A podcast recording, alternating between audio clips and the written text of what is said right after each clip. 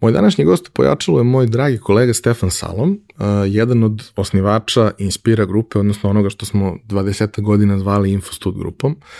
I e, njegova priča je posebno interesantna zato što je to priča momka koji je e, bio vrhunski matematičar, fizičar, išao u matematičku gimnaziju, takmičio se na olimpijadama, završio fiziku, ali sebe nekako video u preduzetništvu još od najranijih dana i faktički sa um, um, Banetom i Branom razvijao Infostud i njegov razvojni put kroz uh, kompaniju je zapravo možda jedan od najinteresantnijih primjera kako to izgleda kada si osnivač firme koja raste od 0 do 300 zaposlenih u nekom realnom biznisu gde ti zapravo moraš stalno da se prilagođavaš potrebama firme i potrebama ljudi i praviš malo kompromise u odnosu na to šta ti želiš da bi na kraju došao do toga da radiš ono što želiš. Uh, Inspira grupa je uh, jedno od najzdravijih mesta za, za rad i ja uvek kažem sa, sa uh, velikim uh, poštovanjem i radošću da su to moji prijatelji koji su napravili jednu, jednu divnu stvar koja svima nama živote čini boljim i lakšim. Uh, kako se to radi i kako je to nastalo, i šta su neke vrednosti na kojima je izrađeno, čućete u razgovoru koji smo Stefan i ja obavili. Realizaciju ove epizode pojačala podržala je kompanija Epson. Epson je već više od 20 godina vodeći svetski proizvođač projektora i štampača za sve namene od onih kućnih do profesionalnih. Posebno vam skrećemo pažnju na aktualnu ponudu Epson Business štampača. Naime, ukoliko je došlo vreme da kupujete štampače za vaše poslovne potrebe ili da zanovite trenutnu flotu štampača koju imate, obavezno istražite koja to sve rešenja Epson nudi, jer pored zaista sjajnih štampača koji vam nude besprekoran kvalitet otiska, mnogo manju potrošnju električne energije, mnogo manje otpada generisanog u procesu, uz Epson rešenja uvek dobijete i celu paletu softvera koja se kod drugih proizvođača doplaćuje, a ovde dolazi besplatno za sve njihove korisnike. Za više informacija pogledajte businessprint.com, piše se onako kako se izgovara. Hvala vam. Imam još jednu važnu već za vas. Naime, od 1. maja sa krugom prijatelja radim na projektu naša mreža.rs. To je jedno jako zanimljivo mesto za svakog ko je preduzetnik ili razmišlja da to postane. Mesto gde svaki dan izlaze neki interesantni korisni tekstovi, a jednom nedeljno predstavljamo neki zanimljiv mali biznis. Takođe, svakog meseca radimo veliki intervju sa nekim od zanimljivih ljudi sa, sa ovog tržišta, nekim od ljudi koji su lideri u, u onome što rade, pa tako, evo, prvog meseca imamo Slavimira Stojanovića Futra. Uživajte, informišite se i pretplatite se na mailing listu ako su vam teme zanimljive, jer onda će vam svake nedelje stizati digest svega toga svakog ponedeljka na mail. Hvala vam. Za slučaj da želite da nas podržite vi individualno, uh, možete da posetite link u opisu podcasta na platformi Buy Me a Coffee i tu možete kupiti mesečnu pretplatu ili jednokratno donirati neki jednost koji želite. Hvala vam unapred na tom.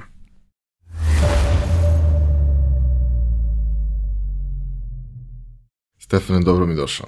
Bolje te našao.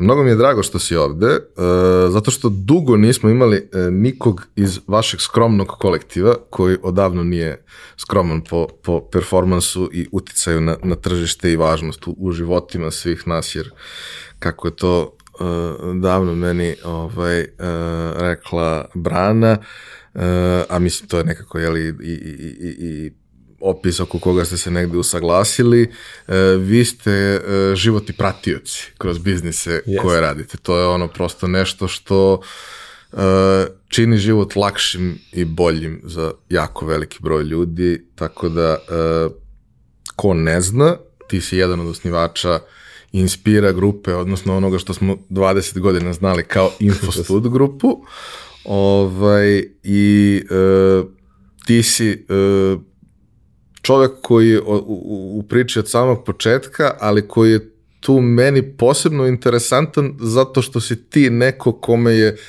taj digitalni svet, internet, tehnologija, nauka koja se nekako naslanja na to sve, najprirodnije okruženje od svo troje. Jest. Jest. A, šta je tvoja pozicija sad? A, pa moja pozicija već duži niz godina sa, onako, sa upadicama kada mora da uleti neki problem u koji moram da rešavam u pojedinačnom biznisu da im pomognem oko toga je direktor razvoja. Ove, pre toga sam bio direktor prodaje, a, to je bilo u samom početku i to je nekako m, osnivač radi ono što je najpotrebnije firmi. U početku su najpotrebnije pare. I onda sam samo osjećao da u jednom trenutku sam se počeo buditi da se ne osjećam kao direktor prodaje, ali me prodaje sve manje zanimala. U početku me puno zanimala, puno sam učio o tome. Neke, mislim, smo dobre stvari postavili u startu, neke trikove onako psihološke koji su zaista i povećali prihode i daje nam u suštini autonomiju i snage da radimo ono što želimo, ali se nisam dobro osjećao i onda sam se osjećao da ja uživam u razvijenju. Sad, čega razvijenju? Pa bukvalno svega što ja doživljavam da se vredi, može razvijeti, što uopšte, da, da li to biznis ili ljudi. I onda su to dve stavke u kojima ja i u poslu najviše uživam i, i po to potpada onda mnogo prirodnih stvari kao dolazak novih tehnologija, disruptivne stvari koje treba u mojoj glavi svariti, nekako razumeti i onda pomoći biznisima da u svom, svojim vertikalama, u svojim sistemima to implementiraju. Dobro, pričat ćemo o poslu u, u kasnije nekoj fazi razgovora, ajde da krenemo na način na koji uvek krećemo u pojačalu od našeg malo pitanja, šta ste da budeš kad porasteš? Uf, dobro pitanje. Prvo sećanje koje imam je bio da budem lekar, da bi deda mogu da živi zauvek. Ove, to je ono što se sećam, to je onako mm, emotivna stvar. Mislim, datle mi odnos za mene je mala digresija i jedna od drugih stvari koje sam teo da budem kad porastem deda. To bez dileme, to je za mene kruna, onako, kad si deda imaš svoje unuke, to je, to je kruna života.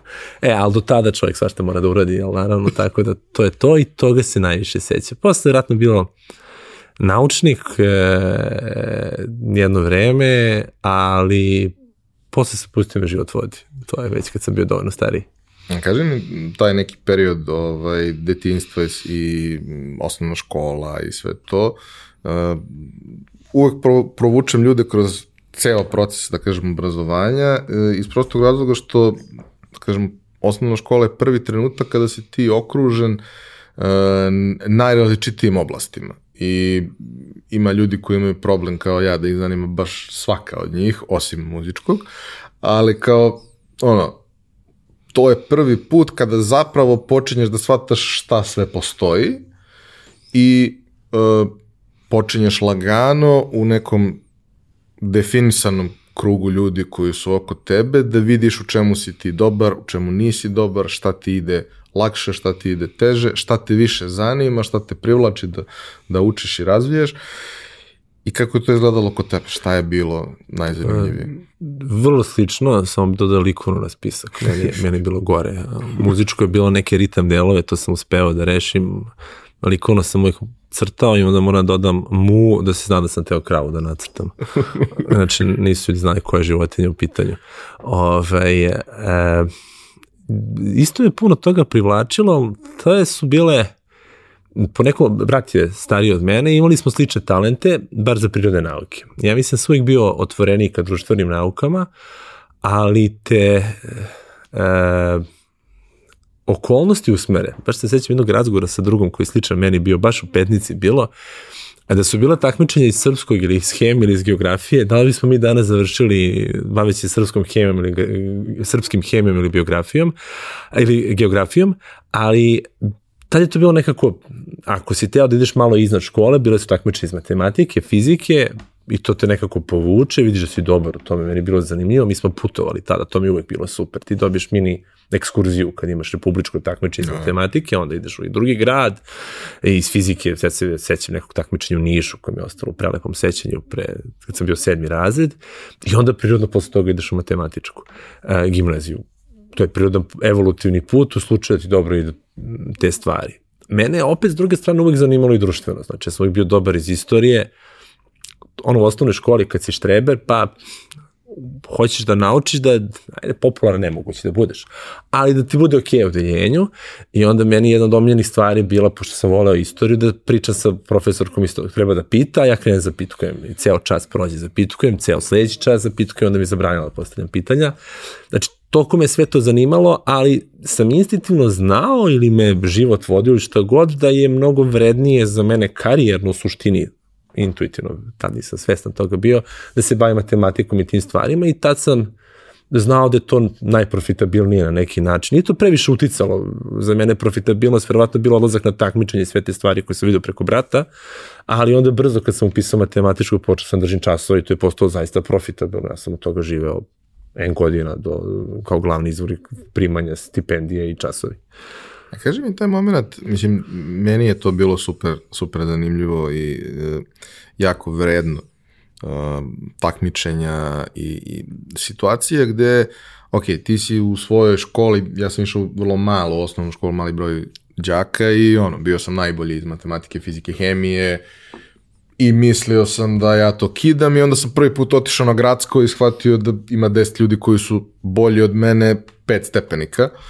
Ok, imao sam Arhimedes, Arhimedes mi je mnogo znači jer sam tu polako upoznavao ljude koji su u nekom trenutku, bili smo svi slični, onda u jednom trenutku su se izdvojili oni koji su stvarno posle išli na matematičke olimpijade i sve ostalo.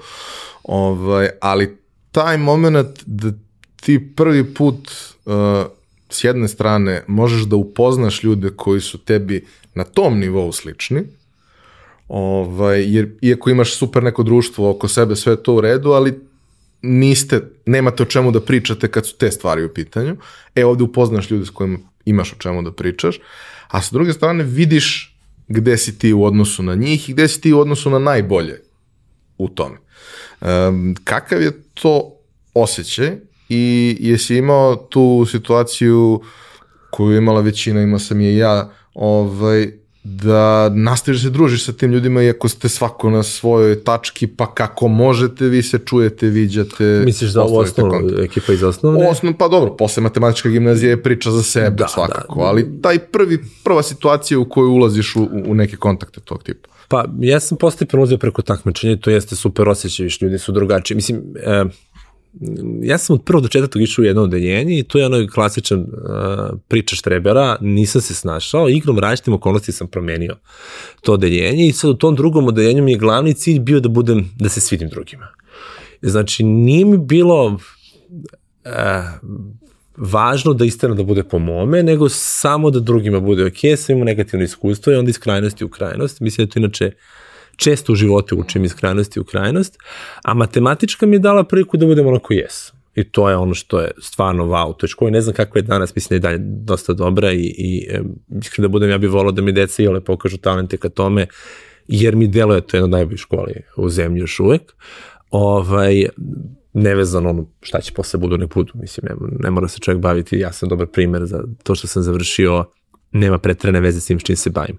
Ali u svakom slučaju taj osjećaj je oslobađajući, kada ti možeš da budeš tako, kada ne moraš da paziš kako će se tumačiti to što kažeš, kada ne moraš da paziš da ispadeš previše pametan, kada ne mora ti prva misla bude, ok, kada ću da pomognem u deljenju, da me posle slučajno neko ne bi zezao iz nekih razloga i to jeste oslobađajuće.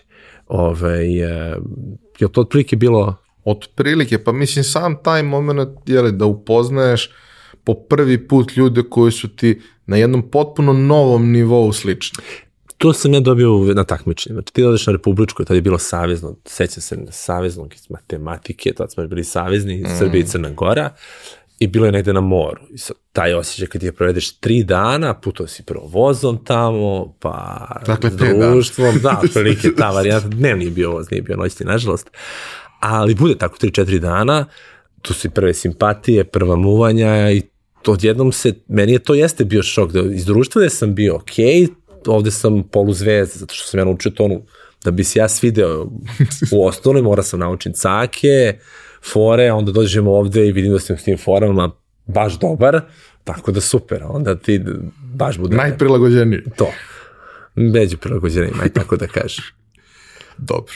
Uh, ok, matematička gimnazija jeste i dalje ono što je bila, naravno stvari su se promenile jer se promenilo sve za 20 godina, ovaj, ali jest i dalje fantastična.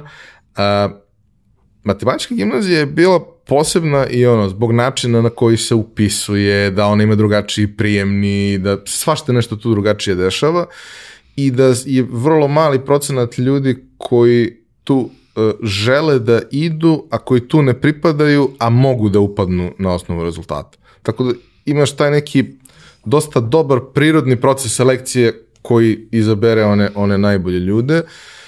E, kako je tih četiri godine izgledalo u tvom slučaju i šta su bili neki, koliko su bili neki tu ključni ljudi uh, iz, iz razreda i među profesorima i šta je bilo, pošto si ti išao i na međunarodno takmičenje, kao to je prvi trenutak, srednja škola je prvi trenutak kad imaš priliku da ideš na tako nešto. Da. Kako je to izgledalo sve? Za mene je matematička, aj, bukvalno rekao bi formirala me i najveći pečat ostavila. Ja imam dvoje kumova sad se ne zabrojim, iz matematičke, troje, zabrojao sam se, od krštenih do svadbenih, ili sam ja bio, ili i takve stvari, znači najviše se tužim s tim ljudima, naj, najbliži ljudi, najdraži ljudi su mi iz matematičke i meni, ono, nekim ljudima je fakultet, a ono što ih je formiralo, gde su sreli najviše ljudi, ja sam fakultet prošao, tada je počeo infostud, pa sam radio u paraleli, znači stvarno nije me ta zgrada previše videla. Ovaj, mene matematička znači u potpunosti formirala i to je e, ajde ovako da kažem, e, kad ima ono u filmovima žališ za nekim periodom života, ja sam davno shvatio da ne bi se nikad vratio da ponovo živim deo života, mi delo je zamarno i dosadno kako je bilo lepo. Ali lokalno govoreći možda najlepši, najopušteniji period života jeste ta matematička gimnazija za mene i, i svi trenuci koji smo imali bi imali da bude dosadna i ovakva i onakva, ali ono, u četvrtoj godini smo išli u školu samo da smo igrali turnire iz futbola, znači to nam je bila glavna aktivnost, samo smo o tome pričali, jer je već ti dosta sad već imaš ti napredom, ja znam čima ću se bavim, znam šta ću da upišem, već me polako zamira takve detalje assemblera, neću se baviti assemblerom, ne treba mi, a moram da ga naučim, ni baze podataka nije moj fah, znam da se neću baviti bazama podataka, da je u četvrtoj gimnaziji učim detalje o prosto me ne zanima, ok, naučit ću to, dobit ću pet, ali me dosadno mi je. Ali zato kad je odeljenje, bili smo do stvarno dobro odeljenje, onda kad je se igra futbol između različitih odeljenja, onda oni malo devojčice što ima dođu pa navijaju za nas i baš smo bili cool i to ne je bila glavna, glavna aktivnost i ostalo onako super, super sećanje. A takmičenja? E, takmičenja su, bar meni, ja sam doživio, ideš u matematičku, prirodno da se takmičiš i e, Ja mislim da ono jako različite mogu da delo na različite ljude. Ja sam ili sreći sam bio dobar u tome.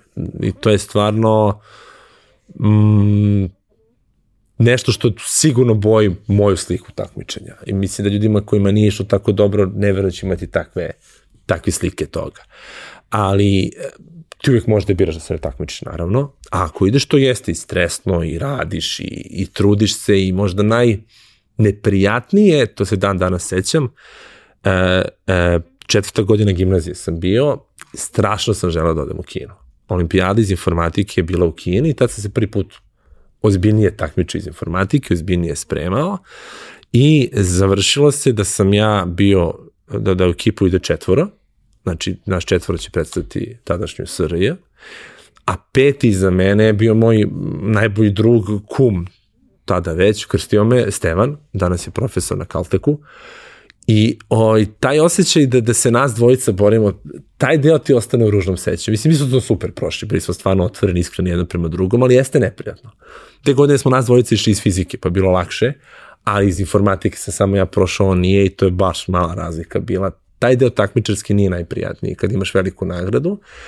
S druge strane, ovo ostalo od toga te nauči da, da posle ti ispite na fakultetu ne osjetiš ih, nemaš stres, nemaš, prošlo si sve to, jednostavno to je za tebe trivialnost, ja si već ima mnogo stresnije situacije u gimnaziji, onda ispit na fakultetu ti dođe boza. A kako izgleda kad odeš na, na međunarodno takmičenje gde, ok, idete sa zadatkom, ciljem da nešto uradite najbolje što možete, ali sad po prvi put zapravo srećeš sebi slične ljude iz ne svih krajeva sveta, ali iz mnogo različitih zemalja. Je li ima uopšte prostora da se vi mimo takmičenja upoznate, ispričate, izgledate neki nekakav odnos neke ljude sretneš još neki put u životu kroz tako nešto. Meni se nije desilo, verujem da može da se desi. Ovaj, jednostavno družiš se s tim ljudima, upoznaš. Ja uvek volim da upoznam, no, to je prilika da sad prvi put ozbiljnije, tad se mnogo manje putovalo nego danas, fizizam treba da izađemo bilo gde. Ja. Avionske karte su beskonačno skuplje odnosno na platu nego što su danas.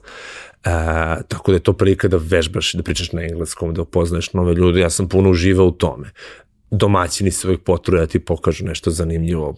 U Kini kad smo bili, to, to je bilo par godina pred olimpijadu, ali su oni znali da će dobiti olimpijadu. Ja mislim da su oni bukvalno sve koristili da vežbaju e, sistem. Pa smo mi uvijek dobili policijsku pratnju za dva autobusa, tri autobusa informatičke olimpijade, ide s policijskom pratnjom kroz grad. Mislim, to je ono, to, to nenormalno, ali bukvalno je bilo kao ajde da vežbamo kad dođu ozbiljne stvari, ozbiljni sportisti, pa gledaš kineski zid i, i tako neke stvari, to je bilo 2000. U Engleskom smo išli neki Luna Park po Italiji, obišli Veneciju na dan, znači uvijek imaš gomeo lepih aktivnosti, ali ipak najviše vremena provodiš sa svojom ekipom. I s tim ljudima se, rekao bih, dosta više zbližiš. I ono što se samih rezultata tiče, to je jedna stvar onako na kojima sam smešno ponosan posle svih ovih godina, ovaj dan danas, svako ima onako svoje zrno ponosa, znaš, kad pričaš s nekim matorijim generacijama, je kad je bila ta utakmica, ja sam dao gol, e, ja sam na to ponosan, iz fizike smo bili šesti na svetu, dan danas pamtim, a iz informatike godinu dana kasnije osmi kao ekipa.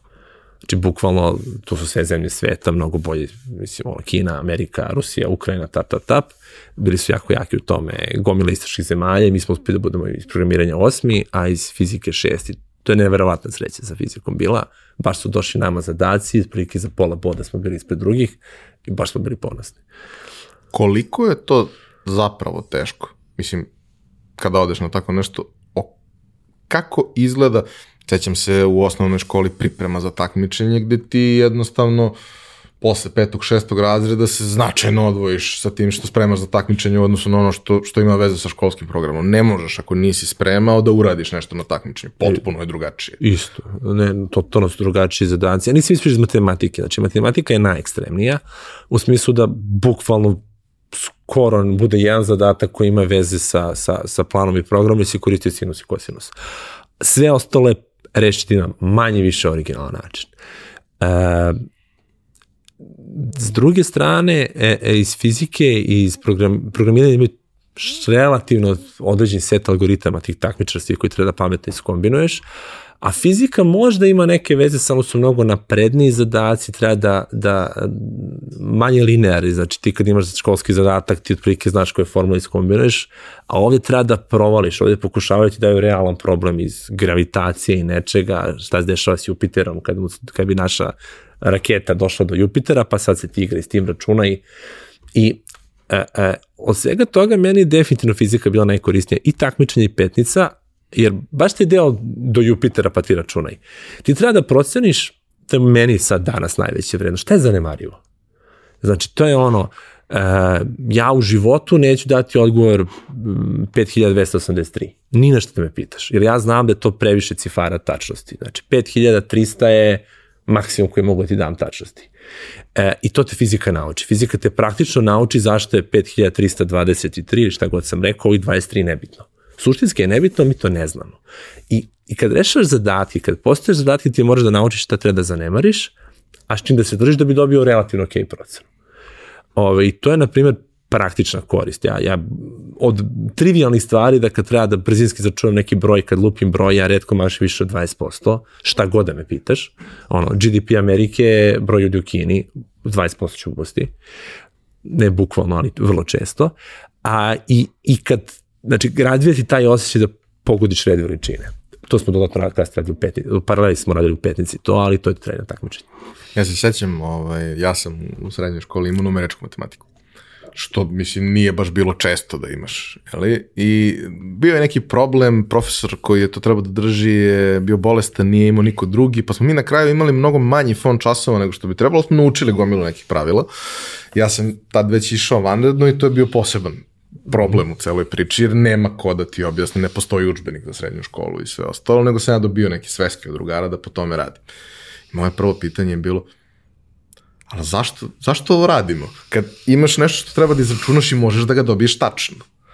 Pa zato što u realnosti nikada nije tačno. Tako. uvek postoji neka Neka šansa za grešku. E sad ti treba da iskoristiš to da vidiš koji je raspon koji ćeš dobiti na kraju. I u realnosti u životu ti nikad ne znaš tačno sve promenjuje. Uvek je sve nepoznato, uvek su sve procene. Misliš, šta god radi u ekonomiji, bilo pošto je li ono, mašinstvo, imali smo jedan od, od predmeta je bio merenje. I kao prva stvar koju učiš je greška merenja. Greška merenja. Zašto kad ja mogu da izmerim tačno? Ne, Ne možeš. To smo isto, to je, kao, baš si ubo. Druga stvar na tim takmičenjima, baš iz fizike su eksperimenti. I to je, osim da razumeš i sprovedeš, što nisam uvijek najspretniji bio, pa mi malo teže išlo. Na kraju se ispostavilo, to mi je bilo fascinantno. Mi svi mislimo da smo loši u eksperimentima, da smo u teoriji dobri, a na tim takmičenjima smo baš kontra uradili. Zato što su druge stvari bili gori. To je, to je, par puta u životu se misli da ja ništa ne znam posebno, ali se ispostavlja drugi to što ja ne znam, znaju još lošije. To mi je bilo. a, kako je petnica? Kako je bila tada? Petnica je, e, koliko god je matematička, a petnica mi nekako onako bi je kondizovao matematičkom u moje glavi, ovo, to je pres, to nije pre, ne znam kako da kažem, mislim, e, ja sam malo i u petnicu išli kad sam završio gimnaziju par godina, ovaj, znam da koji su duže ostali kao mlađi saradnici vodili programe i sve ovo što se desilo posle sa, sa, sa tim dešavanjima, baš nas je pogodilo. Mislim, to tu vidiš šta se dešava kad imaš ljude koji, koji vode taj sistem koji je, ima neverovatnu vrednost, ali nisu dorasli. O, ne, ne znam koliko da, da da širimo tu temu ili ne, zato što je bilo posle i greške koje su napravljene, koji su meni tužni. Ja sam se nadao da će moje deca ići tamo, mislim, baš kao za matematičku, mislim i petica je još vrednija, jer dobiješ jednu vrstu da tad je bila anarhija. To je ono što mi ne možemo, današnjim očima ne možemo da shvatimo da smo mi 98. slali decu po bureku, decu od 15 godina. Ja bio, ne slali, neko nas slao i nam to bilo super cool. Ajmo 7 km do Valjeva da kupimo burek u 2 ujutru. Danas je to nemoguće, znaš, već je postao nemoguće kako bi bili tamo, da dete samo bez nekog koje, znači da maloletne osobe idu magistralom do Valjeva. Ti kad to izgovoriš, pa malo je čudno, oni su tamo posle neko čuva, tada je bila norma, tada je bilo super. Ove, isto ko sa alkoholom se promenilo, vol, klinici kupovali u 17 godina, imali žurke, desio se napijom neki, ali dosta njih je znao da pije, stvarno popije čašu dve i stane, a to jeste 17 godina i sad ta perspektiva nam se zaista promenila za ovih 20 i kusur godina od tada, ali je bilo super u smislu što upoznaš ovaj put mnogo bolje ljude, provedeš po 10 dana, zavisi ako si dovoljno dobar, ti prviš početni program koji je vrsta kvalifikacija, pa ako prođeš, dolaziš dve nedelje tokom leta, gde radiš svoj projekat i on ga završavaš. E, I to iskustvo, to rada na takvom projektu, ja sam radio neke simulacije, ali više puta sam bio, tokom leta imaš bazen u blizini, imaš prelepe šetnje, ili se sam skupiš društvom i organizuješ, učiš osnove realnih merenja, tipa izmeri koliko je daleko ona zgrada. Znači, to je meni bilo neverovatno, a moja nije kruna bila što nisi sam, nisu samo fizičari. Nego Da, budu ta multidisciplinarnost. ta multidisciplinarnost i onda uveče po tom pečurkom sediš i filozofiraš o smislu života, o ovim pravima, onim pravima. Ja mislim da sam imao dosta konzervativno ne, ne u smislu stavovi su i možda bili malo kruti u nekim stvarima u životu i onda je petica prvo mesto da srećeš ljude koji imaju drugačiji stavove od tebe. Uči da evoluiraš, uči da se menjaš. Ja sam tad naučio da, da je lepa stvar promeniti stava i da je to kvalitet, a ne slabost. I, i mislim da mi ona stvarno tu puno pomogla i neke moje prve uspomene, prve veze i tako meni je vezano za petnicu i stvarno mi je predivna, predivna stvar. E, kad je već bio kraj matematičke, m, trebalo je li odlučiti šta sa fakultetom i šta upisati, a to je zapravo trenutak kada donosiš odluku šta ćeš možda u životu raditi. Jer sve ovo prethodno, a možda radiš bilo šta. Znaš, ovaj, čak i ako se opredeliš za neku stručnu školu i dalje ne moraš ti na kraju da se, se baviš baviš time. Ali faks je mnogo veći effort. Znači, ako si ga upisao pod uslovom da si posvećen i hoćeš da ga završiš, to te ipak opredeljuje na neki način. E, što fizika? Ja sam ne znam da sam sreću ili nesreću. Mislim da je mnogo više sreća, ali nek, i ne mislim da sam pogrešio, tako da bih rekao da je samo sreća mogla biti nesreća. E, moj brat je pet godina stariji od mene i u tim prirodnim naukama smo vrlo slični. U ovom ostalom biznis delu priče ne toliko, tako da smo tada verovatno bili slični nego danas. Oni studiraju fiziku. I onda sam vraćao kući i meni pričao o, ajde kažem, osim fizike, mene puno zanimala filozofija i kad kažem filozofija, to ne mislim tad nisam ni znao, a mislio sam ok, kako ustrojen ovaj svet, kako funkcioniše svet u nekom suštinskom elementu, šta su mu sačinjavajući elementi i kakva je veza toga i religije. Uvek me je pripročilo što smo mi ovde, šta, šta je smisao života, šta mi radimo ovde i, i, i fizika mi je delovala kao ala da to bolje razumem. Naravno kad dođe brat koji ide evo, pet godina ispred mene po školi i krene da mi opisuje najfascinantnije stvari iz današnje fizike, e, double slit eksperimenti, quantum entanglement i, i stvari koje stvaraju, recimo, kvantne računare, su bazirane na tome, a nenormalno su kontraintuitivni. Znači da ti na neki način čestica zna da li je gledaš ili ne. Ne zna ona, ali ne znam ni šta tačno se dešava. Jednostavno ti shvatiš da je ovaj svet naučno i dokazano mnogo manje materialističkim nego što ti se prikazuje. Da je da možda postoji svest kao entitet naučni, kao nešto što je fundamentalno drugačije. Možemo dan danas filozofirati, ali još uvijek taj odgovor ne postoji. Postoji cijel segment hard conscious problem, consciousness problem. Šta je svest? Šta je to? I ti shvatiš da to što je mene u stvari pitalo, nema odgovor materialističko. Ona, kako meni u osnovnoj školi prosto to predstavljeno, dosta je materialističko bilo kako sam to učio. Da otprilike sve objašnjeno. Život pozdrav nasto ovako, pa spontana selekcija, bla, bla, bla. I kao sve to objašnjeno. I nemoj mnogo da pitaš. Nema, šta, nema mnogo da pitaš. A, ovaj, onda to mene gurno, na drugog sam iz inata bio kreacionista. Bukvalno iz inata. Sad ću ja da, ne stvarno, sednem i čitam sve argumente kreacionizma, nisam bio klinac za problem koliko je to glupo tada, ali toliko sam iznervirao tu, došla gostujuća profesorka iz biologije da mi zabranila da postavim pitanja. Ja u matematičkoj, tamo smo bili medvedi, bio šokiran, neko meni zabranio da pitam. Mislim, ona nezrala, naravno. Ja bi sebi danas mnogo bolje odgovorio, ali cijela ta priča teorije evolucije načina koja je učena i dalje mi se je potpuna glupost. Ne, to ne znači verujem u kreacionizam, ali nije ceo život ili B. Tako je. To je tek, doći možda do toga, pošto sam ja kasnije upisao biofiziku jedno vreme, baš da bi se bavio proteinima i tim delom a, a, biologije kojim privlačio. Elem, zato sam upisao fiziku, međutim, završava studiram ja to, ok, mi je to, to išlo, u parali se bavim infostudom i e, kad se završio taj najfascinantniji deo kvantne mehanike, dan danas se sećam, to, to je jedno iskustvo sad, verovatno ne mogu preneti naloženost malog naučnika na drugi, ali ti izuzeš papir i olovku, računaš neke proste stvari i dobiješ periodni sistem. I to je meni bio osjećaj. Ne periodni sistem u smislu kako se ko zove, nego aha, mora da postoji jedan atom s jednim elektronom, pa jedan atom s dva elektrona, pa jedan atom s dva elektrona i jednim elektronom. Znači pravila koje važe za periodni sistem ti dobiješ papirom i olovku.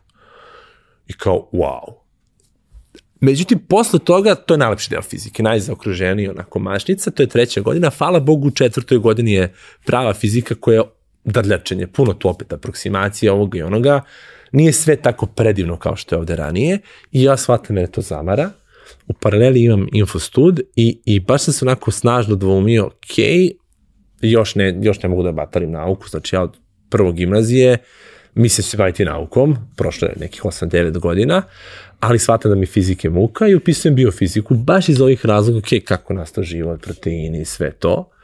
Isto me strašno izredilo, znači sve se prikazuje kao definitivno znamo, a za ovih 20 godina se vidio koliko su neke stvari zamenili. Znači, nerviralo me, zvali su deo DNK junk. Znači, oni bukvalno zovu junk DNK. Oni kažu možda nije junk, ali pošto to ne kodira proteine, da ne smaram previše, mi ne znamo šta to radi, zovemo ga junk u učbeniku na engleskom.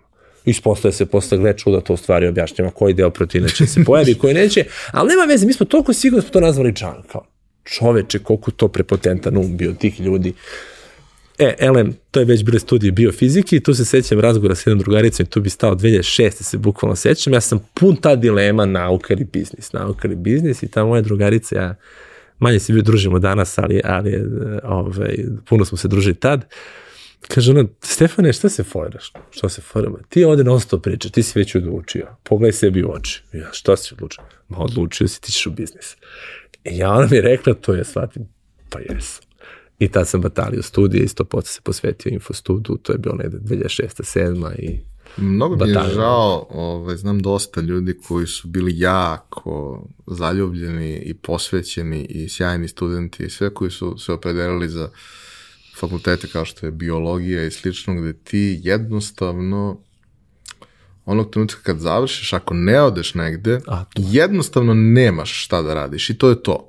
Znači možeš, neki će pri fakultetu, možda pri institutu raditi neke projekte, ali to je sve nešto što će koristiti 2% njihovog potencijala, jer toliko ima resursa i, i, i, to je to. I ok, gledao sam neke zanimljive projekte, bilo je i na, na TEDxu, par puta su bili neki ljudi koji su, koji su to sa instituta pričali neke super zanimljive stvari, ali ti vidiš potencijal tih ljudi i shvataš da je sve štap i kanap. I da oni to rade zato što su naloženi, ali u nekom trenutku će se izduvati. Jeste, i to je, to je onaj deo koji sam ja shvatila, da deo te dileme šta je meni pre, ubosi suštinu. Nije više bila nauka ili biznis, nego je bila nauka inostranstvo, biznis Srbija. A Srbija, šta god, kako god, ja, ja je zaista želim da mi budemo što normalnije društvo i, i to je moja država i moje društvo. I jedina zemlja u kojoj se priča mojim jezikom i ovde sam i rođen i prosto želiš da ti bude bolje. Ja ću se uvek najlepše osjećati ovde nego u nekim komparativnim državama i zbog okolnosti i, i, i prijatelja i svega toga, jako su oni u rasejanju mnogi, baš iz tih razloga. E, ljudi koji se bave najjače iz moje generacije, koji su, naravno su morali da napolje. I sad imaju super karijere, ovaj, e, I mislim da to nije problem Srbije, aj prvo da kažem. Da, naravno da ti možeš više stvari da radiš u Holandiji nego u Srbiji, a Holandija možda najbolje u Evropi, ali ako kažemo Portugal ili, ili, ili pa čak i Nemačka, mnogi iz Nemačke shvataju da im je tu limit i da mora da idu u Ameriku. A, tako da Amerika u tonu svojih katastrofalnih osobina, mislim što sam stariji, to više meni, meni u Americi mišljenje gore, ali ono što imaju te vrhunske fakultete, to, to, je, to razvaljaju i tamo se zaista dešava state of the art nauka i ako hoćeš tim da se baviš. Verovatno je Amerika najpametnija, pa onda možeš u zapadnu Evropu. Nisam siguran da mi imamo izbora tu. Znači, suviše smo mali populacijalno i ekonomski da mi možemo se takmičimo sa, sa mnogo većim državama i mislim da naš zadatak ne treba da bude, e, ajmo da učinimo da za onih 20 ili 10 najboljih biologa ili fizičara Srbije bude što bolja. To se nadam će se možda desiti samo od sebe kad mi kao društvo postanemo bolji. Pa će oni poželjeti se vrati i mislim da tu rešenje to su i pokušavali jedna od stvari koje, koje nisu, da nisu loše ideje od strane vlasti, da, da prosto dolaze, da ih napraviš da nije cilj da oni žive u Srbiji, nego ti koji su iz Srbije da im finansijski olakšaš da dođu na mesec dana godišnje, dva meseca godišnje, prenesu svoje znanje i da učiniš njihovu tačku boravka fluidnijom. To mislim da je budućnost, bar za nauku. Znači, kad bi nama vrhunski stručnjaci došli i provedeli po mesec, dva u Srbiji, ovaj, mislim da je to good enough i da to najviše možemo dobijemo. Ne znam, ja sam onako dosta razmišljao o tome proste činjenice da, jeli, imam ljude koji, koji su zainteresovani za nešto tako i čini mi se naravno kao i tebi da e, ne postoji šansa da mi pravimo nešto što će biti na nivou onoga što oni imaju tamo. I oni koji su zaista ono, pet najboljih će morati uvek da odu i to je to. Oni će ići u NBA i to je to. Tako je ali da postoji nešto i da postoji nivo, neki nivo do koga možeš da radiš ovde, posebno što uh, iz, iz ovaj priče jeli, i, i uh, pristupa EU i sve ostalo, postoje sada već neki fondovi koje ti možeš da aktiviraš da sa njima nešto radiš ovde. Nije to preveliko, nije to najbolje na svetu, ali jeste nešto što može da ti omogući da deo stvari radiš. Ti u nauci, ovo što je interesantno, što se plata tiče, to je jedan postao najmanji problem. Plate, pošto oni nakarikaju dva, tri projekta, ja se zapanjio koliko mogu dobati ako su dobri, skoro bilo koje oblasti. Ne, ne ulazim za sve, ja više znam fizičare, ali ne za samo fizičare, znači znam ako uspiju da ubodu E, naročito ako bodu EU projekat, to, to je bombona. E, međutim, mi nemamo, i mi možemo se bavimo teorijom. Zašto je jeftina? ne, ne treba ti ona, laboratorija na 2, 2 Kelvina ili na 1 Kelvin, n mikrokelvina, šta već, zavisi ako ćeš baviš super provodljivošću ili kvantnim računarima, mm. nego papir i olovka.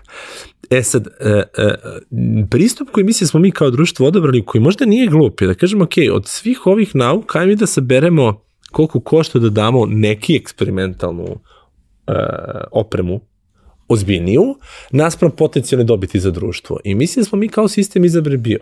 bio, bio, biološke nauke ne mi se to loše. Mislim, mene da pitaš, verovatno bi ti zaključak doneo. Prave neki bio, znam da je ova kompanija Biosense, što ima, uh -huh. oni se bave time, neki institut za biološke nauke treba sad da se napravi, tako da jeste ideja a, ovaj, da ne ispadne da samo u svemu kritikujem. O, o, mislim, to ima smisla, vlast, da samo kritikujem vlast, znači taj deo pokušaju da napravi neki kamp, koliko sam ja u toku, forsiram biološke nauke. Tako da, e, umesto da ti ono malo para što imamo raspoređaš po svim naukama, ti jednostavno kažeš, sorry, ako si fizičar i hoćeš da se ne baviš teorijskom fizikom, ti moraš tići zemlje. Šta da ti radimo? Ali, bože moj, bilo bi lepo se nekad vratiš, održi par predavanja i možda je to datost, mislim da se pomirimo s tim, ali ako si biolog i ako hoćeš da se baviš biotekom i, i, i, i, i što ima smisla zbog poljoprivrede i zbog svega što imamo, e, ajde probamo da ti umesto od mesec dana da si u Srbiji, ti dva meseca budeš na polju, a 10 meseci u Srbiji. I to ima nekog smisla. Žrtvovat ćemo ostale nauke, odnosno držat ćemo ih na nekom osnovnom nivou, prosto da oni koji baš imaju afinitet ka tome to prepoznaju, završe fakultet i kupe kartu u jednom pravcu, ali bar za nešto će ljudi moći da, da, da rade tu i pride, e, ako smo iz nečega dobri, ja mislim da velik broj ljudi nije zakucao da mora bude fizičar. On ima određen sve, ja sam sigurno tako, ja sam mogu da budem i biolog. Tako da, da je postojala alternativa koja nije fizika i inostranstvo, nego biologija i biološki centar u Srbiji, biznis, možda bi ja izabrao biologiju. Uh, znam primere, bilo mi je i recimo Tijana Prodanović ovde koja je jeli, profesor fizike i koja je doktorski studije završila u Americi, tamo radila na dosta nekih cool projekata, koja se vratila ovde iz ličnih razloga i predavala ovde na fakultetu, ali je ta njena karijera naučna u priličnom kanalu u odnosu na ono šta bi, šta bi moglo da bude tamo. Ali je našla neki način kako da se ostvari i sa druge strane, ono kad je odlučila da izađe sa, sa faksa i sve to, uh, radi jako cool posao u jako cool firmi koja jeste IT firma, ali gde zapravo to što ona radi uh, se sasvim lepo naslanja na ono što, što studirala, jer kao danas uh, ima toliko toga gde, gde možeš da primjeniš sva ta znanja koja prosečan inženjer, uh, IT inženjer nema. On ume da napravi nešto, ali on ne zna kako da simulira Odme. uslove realnog života u tri dimenzije, na primjer. Apsolutno. Ovaj, mislim, sećam se ono x puta kad smo pravili neke bazične igrice i sve ostalo, uh, u nekom prvom periodu sam ja bio taj koji treba da napiše kako treba da funkcioniše fizika u igri. Da. Kao, znaš, baciš loptu i šta se desi. Evo, otprilike šta bi trebalo da se desi, pa da probam. Pa par mojih drugara koji radi u Microsoftu ovde u Beogradu se bavi između ostalo time, za ove neke njihove spravice i ostalo, tako da upravo to, to daje ti veliku prednost naučni pristup nad čisto programerski. Ajmo sad da se vratimo malo nazad, mm -hmm. da se vratimo na to uh, otkud Infostud i kad i kako i šta. Pa e, sve je počelo e, u bombardovanju. Moj brat i Bane su se upoznali nekom kampu Karataš, to je isto lepa stvar, mislim da ne funkcioniše toliko, on je univerzalni kamp, mini petnica je da nazovemo. Upoznali su se tamo uh, i igra u slučaju počelo bombardovanje, mi pobegli u Suboticu. Dan danas mi, ni meni nije najjasnije kako su se oni to dogovorili, ali bili smo tamo neki nedelju dve. Združili se, posle se vratili u Beograd, sačekali kraj rata, e, bombardovanja i Kbane je tada odlučio da započne projekat za studente, ovaj, e, gde bi u svakom gradu studentskom u Srbiji tada bio po neko i pitao je mog brata za Beograd. A moj brat je onako iz muke prvi put pristao, on je pravi fizičar, ko što već rekao, za razliku od mene. Međutim, kad sam vidio šta on radi, ja bio u fazonu, da, hoću ja. A šta je radio, prekucavao je planove i programe svih fakulteta. Zašto to meni bilo cool? Ja sam pre toga svoje majici e, neku knjigu je pisala, na kraju nije završila, sam ja diktirala je meni, onda sam mu kad šta ću kad već tera da je kucavan, naučio slepo kucanje ubrzo to žestoko i meni to bilo zanimljivo. Ono da vežbam slepo kucanje i to radim i zamenio sam ja polako brata tu, ovaj, i to mi je bilo kao zabavno u početku, prepisuješ planove i programe, pa su onda došli prijemni, pa juriš te prijemni, sad tu nema nikakvih para, para prvi par godina, ali je cool ekipa, sve vam vreme se nađemo, ovaj, i meni je, ja sam prosto osjećao da imam prostora za više i da, da, lepa je fizika, još uvijek tad sam volao fiziku, ali to je bila neka najosnovnija fizika prve dve godine, koju stvarno što sam je radio u matematičkoj gimnaziji. Znači, da, jeste to naprednije od toga, ali u suštini isto. I ja imam prostora i energije za više i meni je ovo taman taj jedan društveni aspekt koji bi bio gladan ispunjavalo. Dan danas se sećam, mislim, bila 2001. ali tako neka godina kad smo otišli u Suboticu se skupimo i kad smo od para koje smo zaradili na prvim reklamama sebi kupili ručak, to mi je bilo wow. Ali to je mnogo sporije išlo nego što bi išlo danas, jer smo svi bili ili studenti ili smo imali, odnosno Ban ima drugi posao, pa je gro stvari finansirao u početku, ovaj, on je radio u banci, a Brana i ja smo bili studenti, bilo je to još par ljudi koji su vremenom posle odustajali, mi smo ih isplaćivali, oni su izlazili. Ali u svakom slučaju, deo mene želeo društvene aktivnosti. Nije mi bila dovoljna nauka i ovo mi bilo super. Ono, avantura, rešiti problem, naći studentsku službu, ubediti da ti daju rezultate, da ti ovo, da ti ono, bilo je zabavno. A bilo je važno, zato što ti nisi imao način, osim da odeš na oglasnu tablu, da vidiš šta se zapravo desi. Jeste, ti kao klinac, bar ja nisam doživljavao važno, nije iskreno, nemaš ti do kraja, bar ja tad nisam imao to široku sliku, ne, mene je bilo vau koliko im to koristi, to nas je nosilo. A, opšti kulturni, društveni značaj ne, ali koliko ljudi to koristi, jeste i onda ti kroz to shvatiš, Pa ovo ima smisla, čim toliko ljudi koristi ima smisla. Ne do, ja nisam doživljavao važno, nije važno, ja sam to više doživljavao radimo nešto korisno, ubuli smo šta ljudima treba. Jedna od prvih stvari koje smo mi uradili, eh, dan danas se sećam, upitnik je stajao na tome i pitalo je kuda za novu godinu i onda smo lepili po Knez Mihajlovo i napravili smo prvi sajt koji je prikupio ponude za doček nove godine. I to mi onako pa je bila ogromna poseta i smo sve to manje više besplatno radili, nismo baš imali osjećaj za biznis. Par godina kasnije ja sam sebi čisto dao kao domaći, znali smo se nećemo više time baviti, već sam se skoro u potpunosti, posle 2005. 6. sam pola radnog vremena radio za Info studiju, teo sam da izvučam maksimum para iz toga i fino smo zaradili. I tad smo prestali da se bavimo time. Zato što smo znali da nema veze sa ostatkom. Ali prvi put kad radiš, tebe, nas je vozilo, wow, ljudi dolazi koriste. Znači, ono što nas je vozilo je broj poseta mail kad nas neko pita neko pitanje, ja, on koristi to sjajno. I internet danas i tad su nebo i zemlja, znaš, tad je bio dial-up, tad je bilo 30% korisnika, 20%, ne, ne, nemam baš osjećaj, ne sećam se, naspram 100% danas. Nije bilo isto. I onda nas je mnogo vozilo to što ljudi koriste, što nam pošalju mail, pa postave pitanje, pa pita odgovorimo, pa gledamo kako raste poseta. Ali znam recimo koliko je važno bilo uh, gomili nekih mojih drugara par godina starijih koji su uh, dolazili da upišu fakultet u Beogradu, ali su iz Čačka, Leskovca, Niša. To je za njih de facto značilo da moraju oni da odu da provere su. ili da imaju nekog u Beogradu ko može da ode da proveri da li su oni upali na budžet, da li ono, da li su zadovoljili da polože uopšte, pa onda i šta je posle bilo i to je bio pakao. Neki fakulteti su relativno brzo to krenuli da objavljuju, ali to je bio jako mali broj fakulteta. Ovaj, i, i, I taj moment da si ti imao jedno mesto gde možeš to da proveriš, mislim, mnogo ljudi je to koristilo što je o tome jako brzo krenulo da se priča. Da.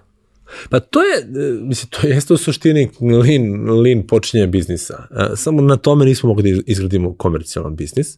Nije bilo para, ali bilo potrebe a u suštini e, ti kasnije dodatne stvari, ti si suštinski dobio posle statistiku koji broj poena si treba na kom fakultetu, po kojoj godini, pa si mogu da, po kom smeru i takve stvari smo mi davali vremenom. Iz toga dok nismo potpuno batalili taj segment biznisa, ali bio previše, koliko god je imamo potrebe, bio previše težak i uglavnom su se fakulteti digitalizovali. Ali ono što je poenta i što jeste poenta biznisa, rekao bih ti treba da prepoznaš da postoji potreba, To je prvi zadatak i B da postoji novac u tome koji se može, od kojeg ti možeš da funkcionišeš. Ove, ovaj, meni nikad nije bila prva ideja hoću se obogati, meni je uvijek bila prva ideja okay, da li je ovo drživo, da li se ovo može napraviti da zarađuje pare da, da se plati ljudi koji treba da radi to što treba da radi. I to smo uspeli tek sa oglasima za posao. Kako je tekao taj ovaj, razvoj cele priče? Mislim, poslovi kao nekakva ozbiljna stranica, su se, da kažemo, ustoličili pet godina kasnije. Šest. Ali taj proces da se dođe dotle je, ono, ti si morao da izdržiš da to vreme radiš, ostaneš relevantan, da bi onda to moglo da se pojavi i razvije. Pa ja mislim da smo mi mogli da platimo prvu platu već 2003. četvrte. Ove, do tada smo se nekako sami e, snalazili i mislim da smo imali neverovatnu sreću o, što je jedan od prvih zaposlenih, ako ne bukvalno prva bila Sonja. Mm. I ovaj, ona, dan, ona priča tu priču kako je ono, počne da zovu klijente, ona naravno radi od kuće, mi smo prvo radili u work trendsetteri smo bili 15 godina unapred nemamo kancelariju, još uvijek radi od kuće i ona pere kosu javlja se mama koja je dobro naučila, Sonja na sastanku moment jedan. I onda se Sonja javi posle par minuta, ovaj, sveže oprane kose. A, baš to pripričava tu priču kao ilustraciju tog našeg štapikana pristupa, ali da, tad smo tad su ti prijavi oglasi počeli se postaviti. Oni su opet vrlo brzo a, a, stekli popularnost, ljudima je bilo mnogo lakše da gledaju na internetu nego u novinama. E sad to je bilo zezancija kako napraviti da ti oni plaćaju, znaš. Ne možeš odjednom preko noći svima, bio nas je strah, možda si mogao, ali nas je bio strah da svima kažemo nema. Ne možeš sad više da besplatno budeš kod nas na sajtu, moraš da platiš, nego smo ono svaki dan po dve, tri firme zvali, rekli, e, ako hoćete u buduće morate da platite. I to su, tako sam počeo se bavim prodajem. To je bio početak kad Sonja i ja podelimo ko koga zove, pa dok nađeš HR-a, pa dok mu objasniš, pa pokušaš da izvučeš taj put, pa sledeći put ako ne taj i tako dalje, da, e, da u suštini e, najaviš da to u nekom trenutku mora se plaća. I to smo uspeli dosta fino da uradimo i od tada je negde 2004. 5. je to završeno. I onda smo imali još par tih trikova koje sam ja nazvao prodajnim um, gde smo naučili da možda plaća skuplje oglase, a jedna od stvari koja nam je značajno povećala prihode, mi smo zvali tipa osnovni oglas i napredni, u tabeli su nazvali, a onda sam ih ja nakon, ok, aj nazovem ovaj osnovni u stvari štedljivi, a ovaj napredni klasični.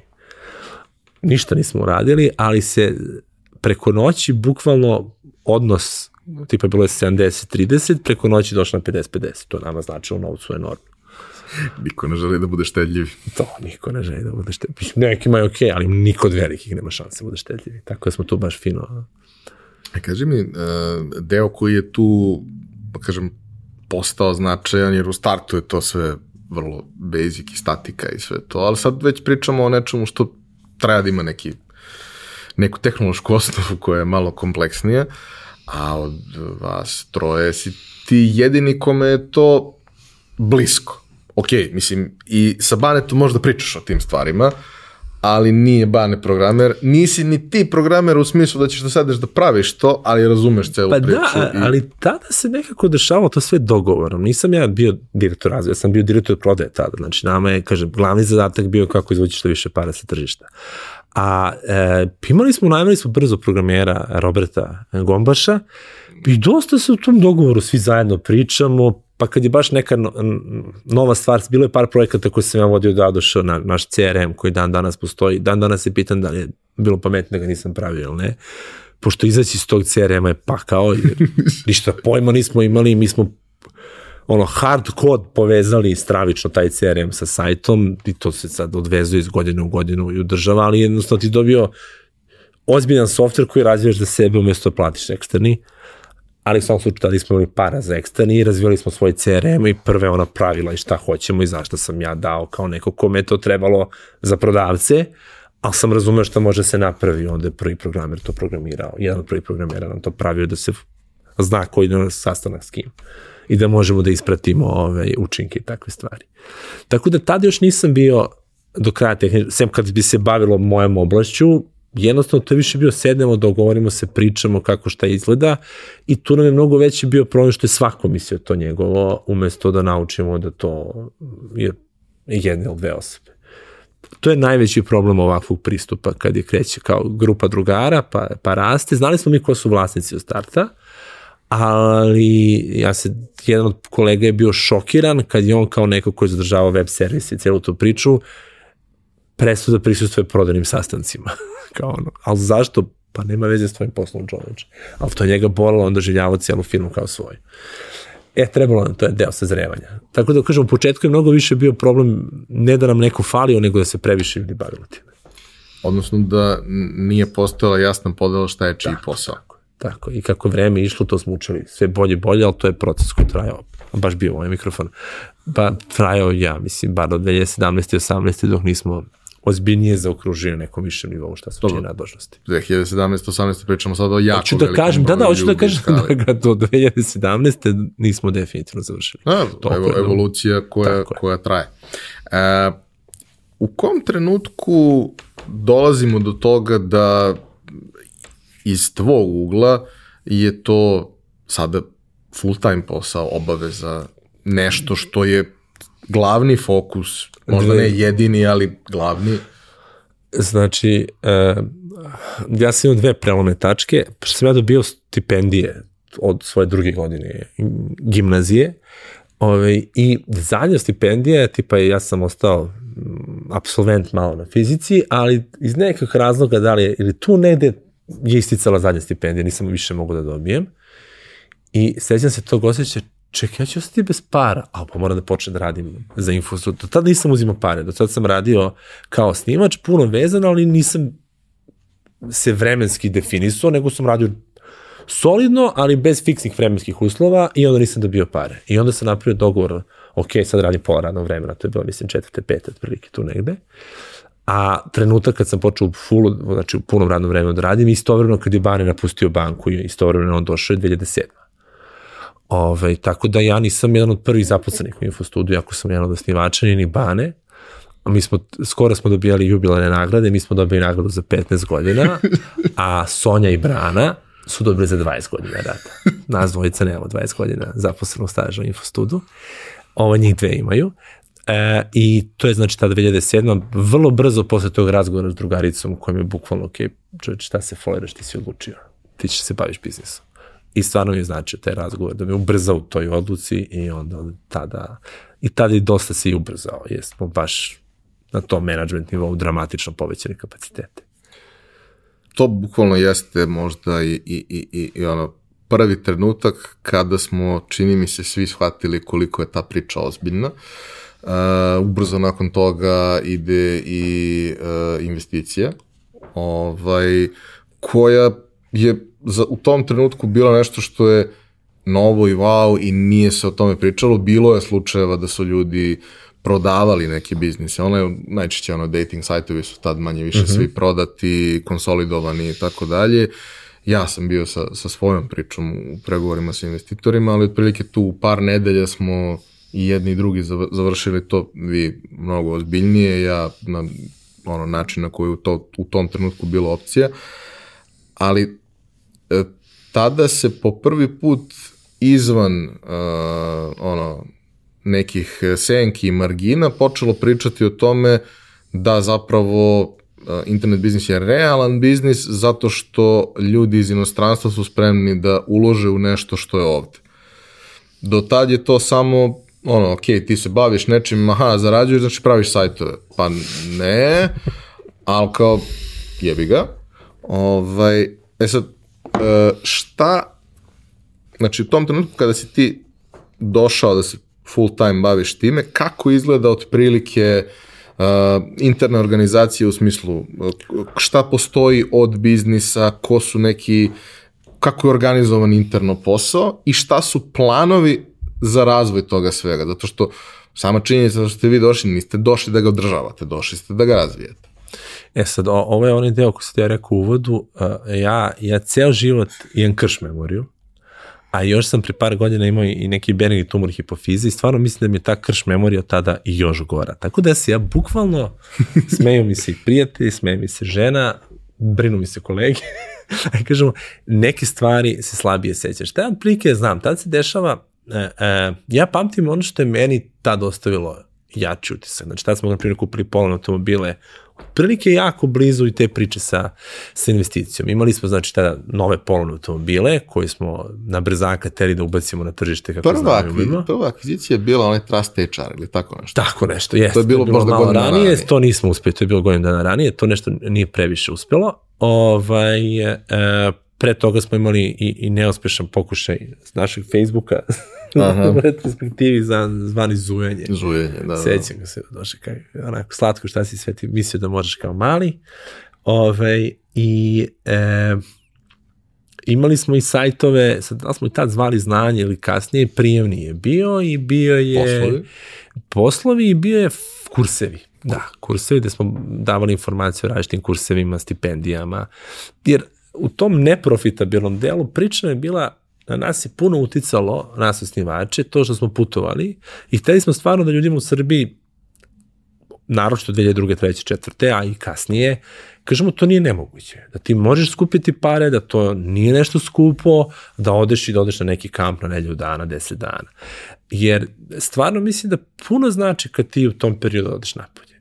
E, shvatiš šta je wow i oduševiš se, shvatiš da ulice mogu biti čiste i da ne moraš baciti džubre, ali shvatiš i šta ne valja i shvatiš da ti u Srbiji jer ja, ja nisam otišao, bio sam u Norveškoj tokom studija na nekom programu dve, dve, dva meseca i bilo mi je wow, 2003 ali i stvarno je fascinantna Norveška, ono, kupaš se na moru, pa odeš dva sata kolima i ideš po glečerima i skijaš se u, u julu mesecu, ali nisam ja imao osjećaj, sad ću sutra se predstaviti u Norvešku. Nisi mi to bila želja. Strana, ti shvatiš, koliko ti je to strano, shvatiš da je to strani jezik, da je to strana kultura, koja ima divne stvari i nekad ti poželiš i da kopiraš, a izbjegneš onaj osjećaj koji dan danas ljudi imaju, to samo kod nas ima. Znaš, to, to samo kod nas može, samo kod nas može da Berlin tri meseca pred otvaranje aerodroma odloži otvaranje aerodroma 10 godina, to je bilo 97. da. Sam, samo kod nas ima, znaš. I onda shvatiš to samo kod nas, da uopšte nije samo kod nas i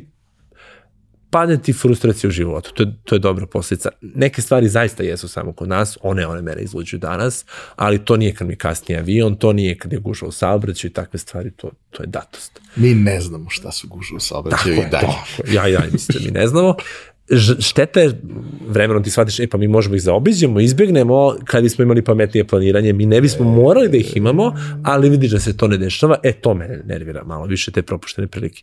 Ali da se vratim, imali smo taj deo koji se tiče kurseva i putovanja, prijemni ispiti, tu smo provali da imamo ono, biznis logiku privatnih fakulteta, znači ovaj, državni fakulteti su dobili to besplatno, a privatni su morali da plate, šta će takav život državni bilo baš briga, niti su imali čega da plate, a ljudi su dolazili da gledaju državne, e onda im ti lansiraš privatne kojima to naplatiš.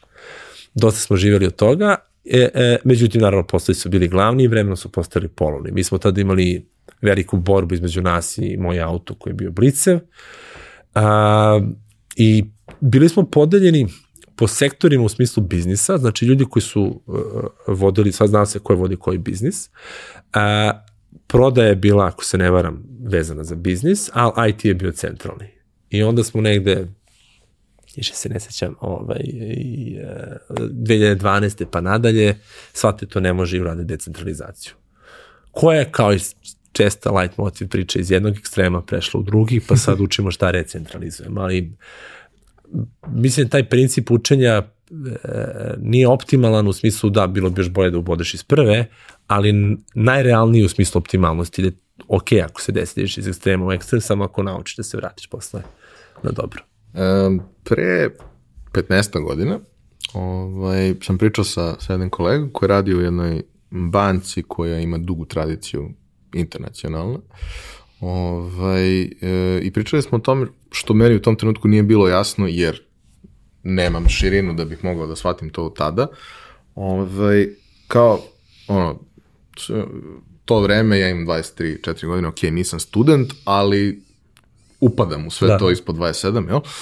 I treba da imam treću kreditnu karticu, platnu karticu, šta god, jer mi treba za online, za nešto što nije vezano za ovo drugo i tako dalje.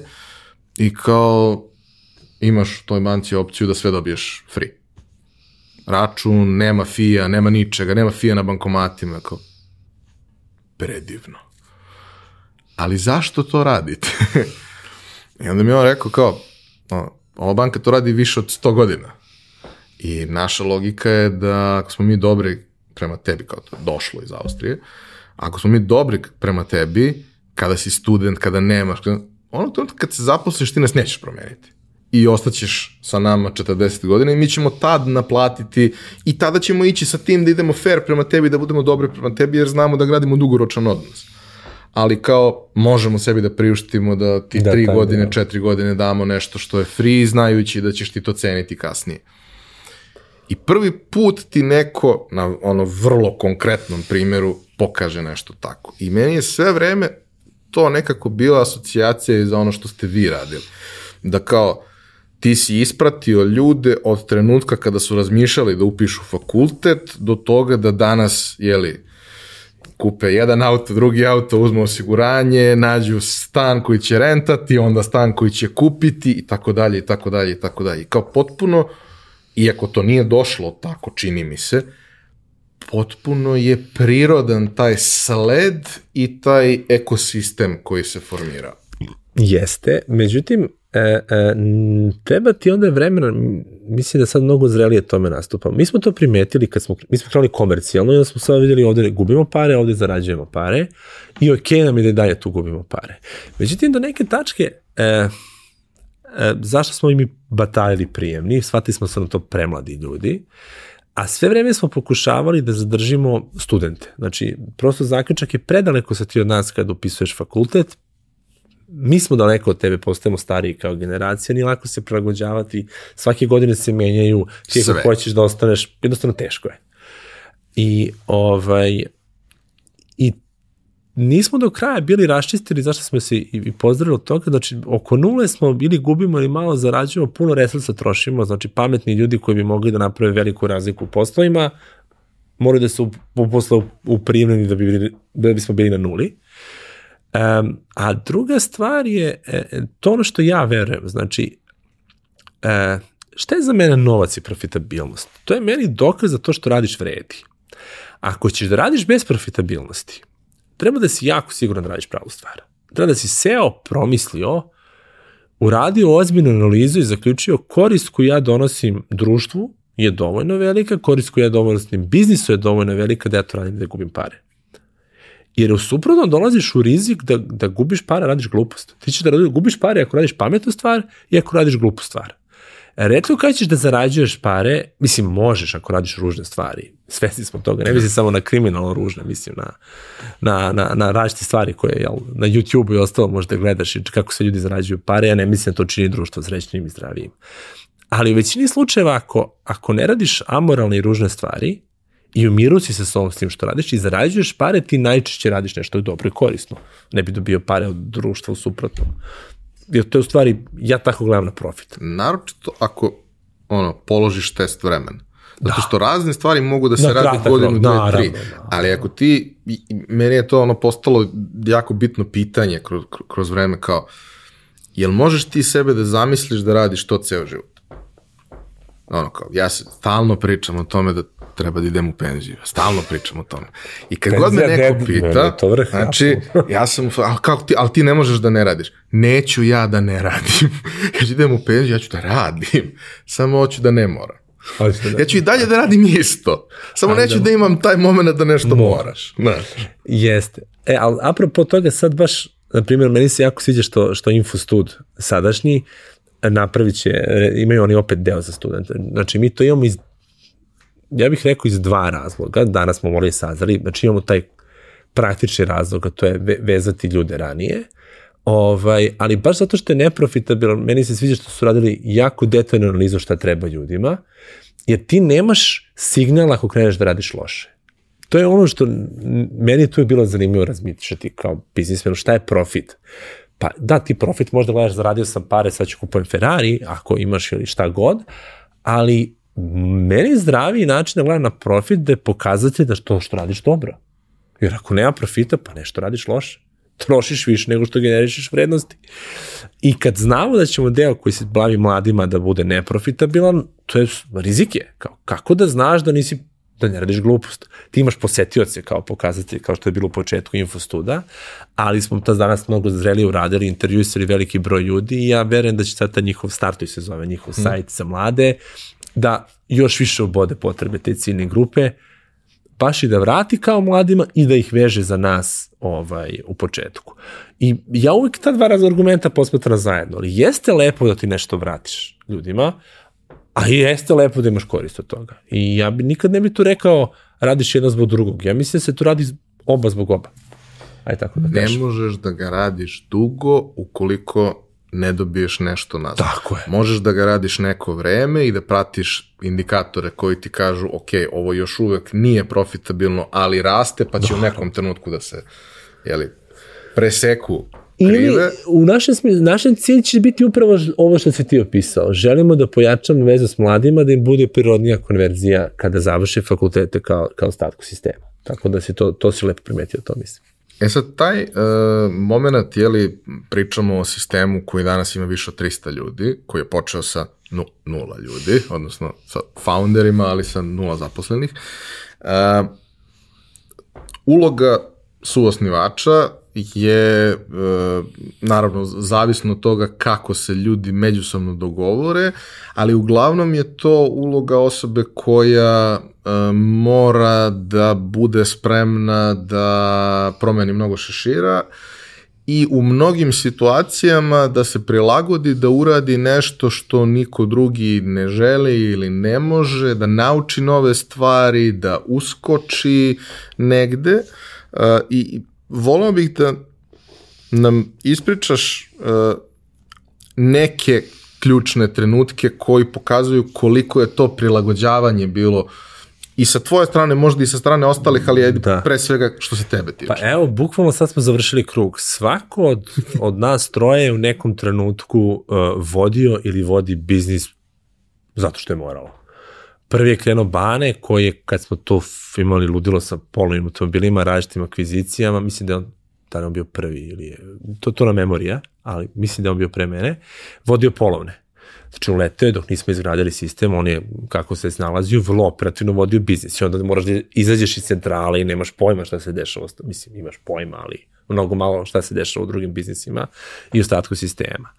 E, nakon toga, kad je koleginica Sonja odlazila ovaj, e, na porodijsku prvo, ja sam uleteo da vodim poslove i to je meni bilo prvo onako do kraja, uvek sam bio vodio neke manje timove, savjetodano vodio, nisam ja operativno vodio ceo biznis, no, hand, baš zbog Beograda, i to sam ono, to je bio život, ja sam se to šalio, sam u proseku živeo u Novom Sadu, jer onako, tri dana nedeljno tamo, dva mamo i u proseku kad nacrtaš to je Novi Sad, non stop sam putovao, i tu sam neke stvari onako, e, to je, rekao bi da je to moja osobina, e, osetim ja dobar smer, ali mislim da se prenaložim i preteram u tom smeru, ono što smo pričali, koliko god se ja trudio da to ne radim, ali jedna od stvari, tada sam, baš mislim da sam osnažio ljude u biznisu kad sam ih preuzeo, tad sam baš knjiga je bila uh, kako preživjeti svoju porodicu i kako preživjeti da. svoj biznis. Neke dve porodice sam ja stvarno pravio paralele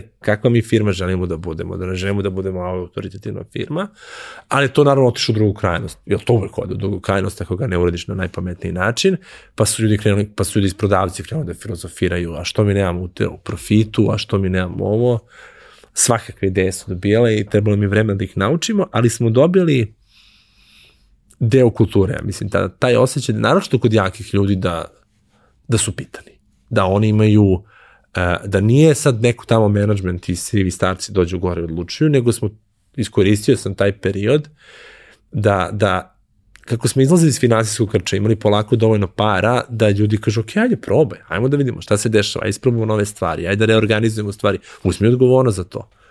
I, i to je dosta i dobro prošlo ovaj, i bilo je vrlo naporno i tad smo pustili uh, redesign sajta, dan danas se sećam, neki je bio te, te godine, totalno mišiće, nije, nije ništa bilo spremno, ali više nisam mogu da čekam, ovaj, iz različitih razloga i tad sam naučio jednu izreku koju dan danas uh, citiram, da je to za mene bilo kao penjanje na planinu Fiji, imaju japanac izreku, mnogo mi se svidjela, mudar čovjek se popeo na Fiji jednom, budala je to uradio dva puta. E, to je puštanje bilo, ono, dve nedelje nismo bilo sunca, smo sedeli sa kolegama od 8 ujutru do 9 uveče, gomila bagova, neke stvari, ali to te onako očvrsne i puno, puno naučiš i, i kažeš sebi nikad više, i stvarno je bilo nikad više, bar što se mene tiče, a sada je kao poslednji od nas troje, Brana je pre koju godinu, opet ne bi da, da lupim, moje sećanje nije sjajna stvar, naravno što ovo što je bilo, da bilo godinu od korona i to da li bilo godinu, dve, tri, čet, sve to nekako... Pa je bilo pre godinu, ali pre pet. Pa tu ne, e, tu. Ona je preuzela četiri zida. I to nam je na totalno nova stvar, zato što umesto da smo već lideri i branimo se, tu se borimo da osvojimo lidersku poziciju i to je poseban izazov svoje vrste, ali to je dosta njeno, njen je odvek bio bliži naravno imali osjećaj za prodaju, ali njoj marketing odavek bio najbliži HR, to su bile njene nadležnosti, sad je uletela tu, ja kao neko ko se bavi tehnologijom sam uh, uleteo i organizovao, organizovao kompletan rad uh, poslova tada pre više godina, tako da je svako od nas morao da prolazi kroz neku od tih faza, relativno skoro, početkom korone, falio nam je uh, uh, šef razvoja u polovnim i da sam ja bukvalno uleteo na oko godinu dana, šest meseci godinu dana da te stvari postane, da izaberem ko će bude nastavnik i, i kako da se to postavi i da je bilo malo smešna pozicija jer nisam uleteo kao direktor, nego sam uleteo kao šef razvoja. Tako sam je formalno koleginica koji je direktor polovnik bila meni nadređena. Tako je to bilo interesantno, ali opet meni je bilo zanimljivo i korisno iskustvo. Taj moment kad ono, uh, moraš da se iskuliraš, da uh, skapiraš da ne možeš baš da cepaš gas kako bi ti cepao, zato što ti možeš da izneseš, ali to ne znači da mogu svi ostali. Za početak vrlo često ne mogu da razumeju dok im se to lagano ne objasni. Što kaže u onom, ovaj, u onom mimu, kad pritisneš gas i kočnicu, auto napravi screenshot. ovaj, e tako nekako. E, kako taj deo funkcioniš? Jer kao, ok, ti kad praviš mali tim, imaju oni grafikoni koji kažu, ne znam, kad imaš troje ljudi, to je jedna linija između svakog od njih. Četvrta već imaš po dve, pet, kad dođe na 20, to je pakao. Kad dođe na 8, to je pakao. E sad, ovaj, imaš sistem koji je mnogo veći, gde se ipak u jednom periodu primarno za viziju gleda u vas. I potrebno je vreme da ti izgradiš ljude koji to mogu da donesu. Pa, ali bukvalno to, to je, neko to me brže, neko je sporiji. E, mislim da mi imamo dobar sistem, opet provaljamo to kroz vreme, ali mi gradimo tu matričnu strukturu koja je adekvatna kad ima više biznisa. To znači da Sonja je direktor Infostuda, ali često priča sa mnom o, o stvarima iz njene vizije koje se tiču tehnologija, trendova i načina rada razvoja. I onda mi imamo sastanak u kom niko nikom nije nadređen, ali gde je moj zadatak da sam neka vrsta internog konsultanta njoj i njenim ljudima koji s time bavi, da napravi odgovarajuće promene. I kroz to ona dobije te informacije, a njene zadatak, zahvaljujući tim informacijama, ono što ona sama, da definiše šta je vizija tržišta. I sad, nekad ja se puno ne slažem s tim, redko se desi, onda tražim ono, onda imam domaći da pripremim argumente zašto smatram da to što rade pogrešno. I to radi, znači, to je otprilike taj sistem, to je danas kad smo zreli. E, Kako je bilo ranije, pa bilo je zbunjujuće ljudima, mislim da se to ne lažemo. Kad ja dođem kao, kao direktor i, i suvlasnik, e, ljudi ne znaju da li moraju da me poslušaju ili ne moraju da me poslušaju. To je ozbiljan problem. To je, mislim, jedan od većih problema u sazrevanju biznisa.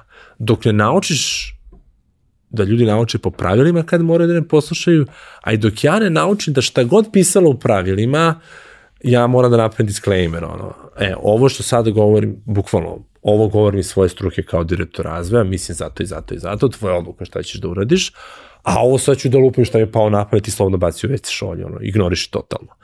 I kad dovoljan broj puta ponoviš to ljudima, ali to je nekako mnogo je smiješno, kao ono, je Miranda Wright u mm. you have right to remain silent, bukvalno kad naročito ako se radi sa razgovor sa nekim ko nije s kim ima redovne kontakte, nego iz bilo kojeg razloga priča sa koordinatorom tog sektora ja, naučili smo posle puno godina i puno zbunjujućih situacija šta se dešava kad ja pričam i dam mu savjet, da li on mora da ga posluša ili ne mora. E, da bismo to predupredili, ovaj, ispričaš taj, taj dao da to nije obavezna stvar i to je relaksiralo sistem. Znači, kad smo mi kao osnivači naučili da sami sebe ograničavamo, onda se i povećao, ja bih rekao, i, i svest direktora da je vizija na njima. Opet neko generiše bolju viziju i treba mnogo manje razgovora, neko generiše lošiju, s njim treba još raditi, ali to je to. Mi smo se trudili da zacrtamo gde su naše granice i da ih što manje prelazimo. Jednu stvar hoću da te pitam dok ne uđemo malo dublje u ovo o čemu sad pričaš, ali želim sad da to prođemo zato što mislim da kasnije preskačemo bitnu stvar. Uh, bitnu stvari za kontekst jeli, cele priče. To je da kada pričamo o a, Infostudu ili sada Inspiri grupi kao grupi, to je subotička firma. Uh mhm. -huh. Mislim, nije ona. To je srpska firma zato što njen uticaj je na nivou cele Srbije. ali ona bazirana u Subotici, tamo je najveći broj ljudi, tamo, je, tamo su ove velike kancelarije koje su mnogo lepe i sve to je super, ovaj, ali prosto uh, to je dosta neobična situacija uh, i neobična na više načina iz mog ugla. Prvo, uh, mi pričamo o gradu koji je na samoj granici. Znači da je potpuno decentralizovan svojom pozicijom. Znači, ne znam, Niš nije, Kragujevac nije, Pirot jeste, Subotica da. jeste. S te strane, ono, što kažu ti ljudi koji to ne razumeju baš najbolje kad gledaju mape, vama sve dole. Ovaj, I nije tu. Znači, ti si u jednom gradu, tebi je gomila klijenata dva sata daleko od tebe. Nije to strašno, ali dva sata. Znači četiri. Jel? Sa jedne strane to, sa druge strane, Subotica je uh, specifična, uh, prvo, mnogo je manji grad, naravno, ali sa druge strane, mislim, ja Suboticu mnogo volim i Palić i sve, zato što me vežu mnogo lepe uspomene i divni ljudi, ja stvarno volim da odem tamo. A volim da odem. Znaš, što kažu i za Beograd, mnogo je lepo doći u cirkus, nije lepo živeti u cirkusu. Uh, dinamika ljudi u Subotici je ono za pipolovina pomerena mm -hmm. u odnosu na nas. Jednostavno, sve je sporije, sve je drugačije, sve je opuštenije na neki način, što mislim da je zdravije i bolje, ali je jako teško uklopiti ga sa dinamikom glavnog grada. S jedne strane, ti si taj koji je sve vreme predstavnik u Beogradu, odnosno, da kažemo, najviše vremena si ti ovde, ovaj, uh, taj lik. I sad, kako prosto to funkcioniše? E, pa, lepo si to rekao, znači neophodne su ta putovanja, to je, to je dosta redovan deo posla. E, jedno vreme kad je bila ova korona, to nas je resetovala sve. Jedno sam ja, ja uglavnom, sad, organizacija je takva da ja operativno vodim dva manja tima i gro stvari ja rešam na sastancima ja na jedan. Uh, svakako propušta se puno i nije džaba da sve kompanije prestaju sa work from home onako uh, neodređenim koliko god hoćeš radi od kuće, jer suštinski ako mogu u dve rečenice gubiš priliku da usput sreteš čoveka u jednoj rečenici. To je, to je najveći minus rada od kuće. E, I to mi rešavamo time što se trudimo da odlazimo ovaj, e, u Suboticu, bar oni koji me gro tima u Suboticu. Sad, nama je su u Beogradu, uglavnom, on, imam jedan biznis osiguranik, on je u Beogradu, oni mnogo ređe imaju potrebe da idu u Suboticu, su sami tu, a, a ovi što su tu su uglavnom iz oblasti PR-a i marketinga. E, sem jednog sektora koji se bavi prodajom oglasnog prostora digitalnog, a ovaj tipa baner i to, programatik i takve stvari i onda njima jeste gro stvari u Beogradu i malo ređe imaju potrebe da idemo. Znači, ta geografska podela ima svoj smisao nije do kraja, nekad je prosto imamo jahu čoveka iz ovog tima pa će sedeti raditi iz Beograda, ali kad se to desi jednom nedeljno, jednom u dve nedelje ideš u Suboticu. I onda provedeš vreme tamo i pokušaš da se u tom periodu zbližiš s ljudima ako ćeš da budeš van Subotice. Mi imamo puno ljudi koji su se preselili u Suboticu. Ja sam intenzivno razmišljao, uopšte nisi učen da to uradim u nekom trenutku, baš zbog ovog što si ti rekao. E, sad, možda je ovo nije adekvatno uopštavanje, ali kad dođeš u godine, naročito ako imaš porodicu, ja stvarno vidim velike prednosti života u Subotici na životom u Beogradu. E, to je onaj deo gde mi moramo Subotičama da objašnjamo zašto je rad od kuće stvarno prednost, zato što u Beogradu ti to bar pola sata kolima, ako imaš sreće, ako nemaš više, plus parking, plus svi ti troškovi, a u Subotici je slabo šta više od, od 15 minuta kolima, neretko je 15-20 minuta biciklom. I onda što bi ti sedio i radio od kuće, sem ako ne moraš da pričaš bolesno dete ili šta god organizacija ti odgovara, odeš do firme i bude ti mnogo lepše. Uvek svako voli jedan dan nedeljno da može iskulira da bude sam, naravno, ali pet dana nedeljno niko nije zdravo. I mnogo je to lakše, znači u, u Beogradu je to organizacija netrivialna i ti ćeš dnevno imati dva sata manje kad i radiš iz firme, i Subotice nećeš. Sve ostalo što treba da završiš, završaš lakše u Subotici. Porodični život je mnogo lakši, lakše ti je skokneš da uradiš nešto.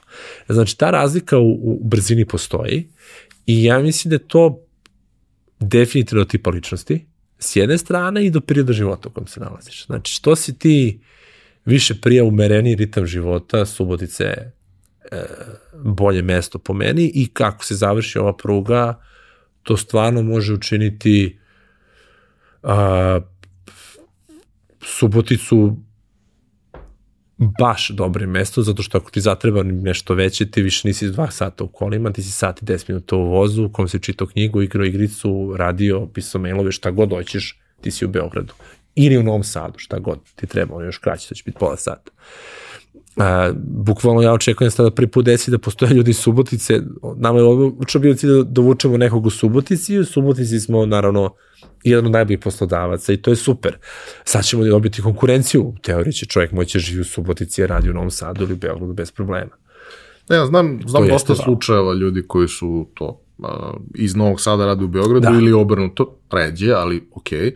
Ali recimo to pre 10 godina moji prijatelji, saradnici, kolege iz, iz Mađarske, kod njih je bilo relativno česta stvar da neko koji je iz Đera dolazi u Budimpeštu na posao. To je, ne znam, sat vremena vozom, dakle dva sata jeli, mm -hmm. ovaj, u toku dana, ali kao njima je to bilo sasvim ok, jer on počne da radi u vozu. Tako je. On to počisti je, mailove To je ta razlika voza. Jer mi, ja kad dolazim kolima, šta ja mogu da radim do dva sata? Da slušaš podcast. Pa, ok, slušam podcast. Naučiti ali nije produktivno. Ali ako ja imam, ja bi radio da mogu da pišem mail. A dok je vreme u vozu je suštini 100% produktivno. Znači, ti, kakva je razlika? Okay, da, da, za nijansu sam manje koncentrisan jedan sluške i šta piše mailove. Mislim, ja u svakom slučaju tokom dana imam dva sata kuckanja mailova. Mislim, čitanja ili kuckanja mailova, šansa da nemaš u danu je nula. Mislim, Samo ih rasporediš na taj deo dana. Ima tu taj jedan moment koji je, jeli, posledica svega što se dešavalo, da nam više ne trebaju vize i slično, gde, ono, par tih mojih drugara koji su, koji su gore, ovaj, znaš, kao to, dođite u Beograd, pozorište, to sve, na koncert i sve, on kaže, meni je isto koncert u Budimpešti i koncert u Beogradu.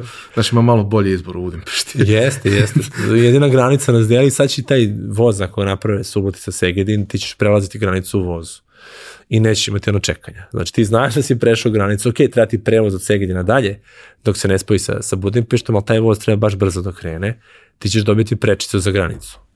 Uh, sad, to može bude i plus i minus, ali ja mislim da uzbiru mnogo veći plus. Ja mislim da je nama velika stvar da motivišemo ljude da ostanu u zemlji, a u nekom širem kontekstu opet bolje u regionu nego da svi bežimo na zapad i u Ameriku i to i u Nemačku koja jel, zalaže se da imamo što bolje obrazovanje, ali svake godine ono, šakom i kapom moći da nam što više ljudi odvede kod sebe, jer, jer to je sad postaje u ekonomskom smislu jedna od najvećih vrednosti. Vidi, Nema mislim, ljudi. A, ima tu jedan moment koji ono često zanemarujemo zato što iz Beograda to jeste 4,5 sata. Ali e, ja sam više od 15, možda i 20 puta um, na neki puteve duže kretao iz Budimpešta. Da, da, da. Znam, Jer jednostavno uh, izbor je mnogo bolji, uh, najčešće su cene neuporedivo niže ili uporedivo, ali značajno niže. A imao sam par puta situaciju, recimo kad sam, kad sam išao u Japan, uh, ok, cena karte je 300 evra niža po, po osobi, ali to je jedan deo. Drugi deo je što iz Budimpešte je 11 sati leta, a iz Beograda 21 da, sat. Tako je. Apsolutno. I to, to će biti, to je okej. Okay. Sad, lepo je što i Beogradski aerodrom postaje jači, naravno, ali ja ne vidim ništa loše u tome, naprotiv. Mislim, šta god čini nama život bolje, pa to super. Naravno. To je sjajna stvar. Ja uvek imam dodatno, voleo bi, to je nešto što sam ja zacrtao još kad smo snimali inicijativu Digitalna Srbija i sve to, moj lični cilj gde ja ulažem uh, šta bi ja volao da moj rad doprinese, da povećam šansu da mi deca žive u Srbiji. Jer kako ću budem deda bez unuka, ako su mi to unuci, i nije neki nije deda. neki deda. Znači, da bi ja postigao svoje ciljeve, moje deca mora da žive u Srbiji. Da bi deca, moraju. Ja bih volao da izaberu Srbiju. Uh, ja bih volao da to bude dobar izbor. Tako je, tako je. Pa ja verujem da napraviti dobar izbor, onako skromno ovaj. Da, ali da taj dobar izbor bude Srbija. Tako je. Da bude objektivno. Da bude objektivno, da. Da žele da izaberu Srbiju kao dobar izbor, može tako da se doda. I ovaj, to nije više, meni više nije funkcija toga koliko je Infostud uspešan, koliko ja imam pare relevantno za taj izbor. Za taj izbor je koliko su mi uređene obale reke reka, koliko se poštuje zakon, e, koliko imamo poverenja u pravosudni sistem, kakav je obrazovni sistem, kakav je zdravstveni sistem. Kakav je vazduh. I to su kakav je vazduh. To su onda postane mnogo, mnogo važnije teme. Ovaj, e, e nego, nego mnoge, mnoge druge. E, u tom kontekstu, ako će nešto učiniti život u Srbiji lepšim i smanjiti potrebu ljudi da, da napuštaju našu zemlju, to je predivna stvar. A mislim da je prilika da putuješ iz Budimpešte definitivno to. E, imali smo priliku pre par godina, radili smo specijal a, sa Infostudom i pričali sa četvoro ljudi između ostalo, odnosno više, sa više ljudi, ali četiri epizode, jedna je bila sa Branom, bilo nekoliko ljudi iz, iz a, timova koji, koji rade razvoj i, i u tom formalnom snimljenom delu, a mnogo više i u onom neformalnom delu gde smo razgovarali, išli na klopu i sve ostalo, um, ja sam to osjećao na nekom ljudskom nivou, ali sam tad to potpuno ono, osvestio i uzemljio u sebi. Um, koliko je ljudima zapravo važno da rade na nečemu uh, što, ok, pod jedan ima smisla, jer kad si odrastao, to ti postaje dosta bitna stvar u životu, ali sa druge strane, ne samo da ima smisla, nego ti si napravio nešto što znaš da je tvojoj sestri pomoglo da nađe posao ili šta god, da kupi polovni auto ili da proda polovni auto. Ovaj, I sad, taj moment često zanemarujemo u celoj ovoj priči sa osnaživanjem IT industrije, jer imamo tu situaciju da, jeli, outsourcing firme um, se bore za radnu snagu time što uh, nekritički povećavaju plate, što one mogu da urade ok, i to, to je važno mnogim ljudima koji su na početku ili u nekoj ranijoj fazi karijere.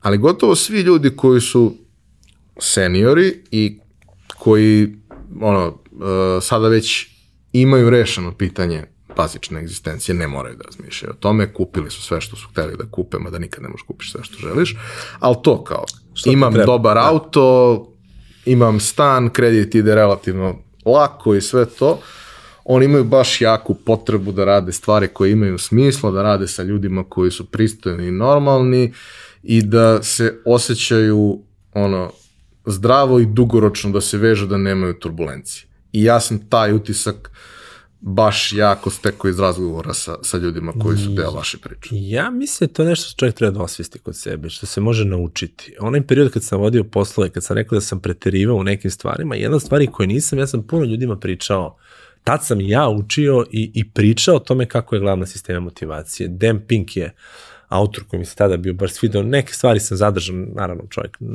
prosto primetiš nove ideje, nešto prihvatiš, nešto ne, ali jedno njegovo objašnjenje koje sam malo modifikovao, e, šta ljude motiviše na poslu? I on je to, možda ću pogrešiti, ali mislim dobro reprodukujem, svrha, mojstorstvo i autonomija, ja bih dodao predvidljivost, to su motivatori, a novac, odnosno nedostatak novca je demotivator.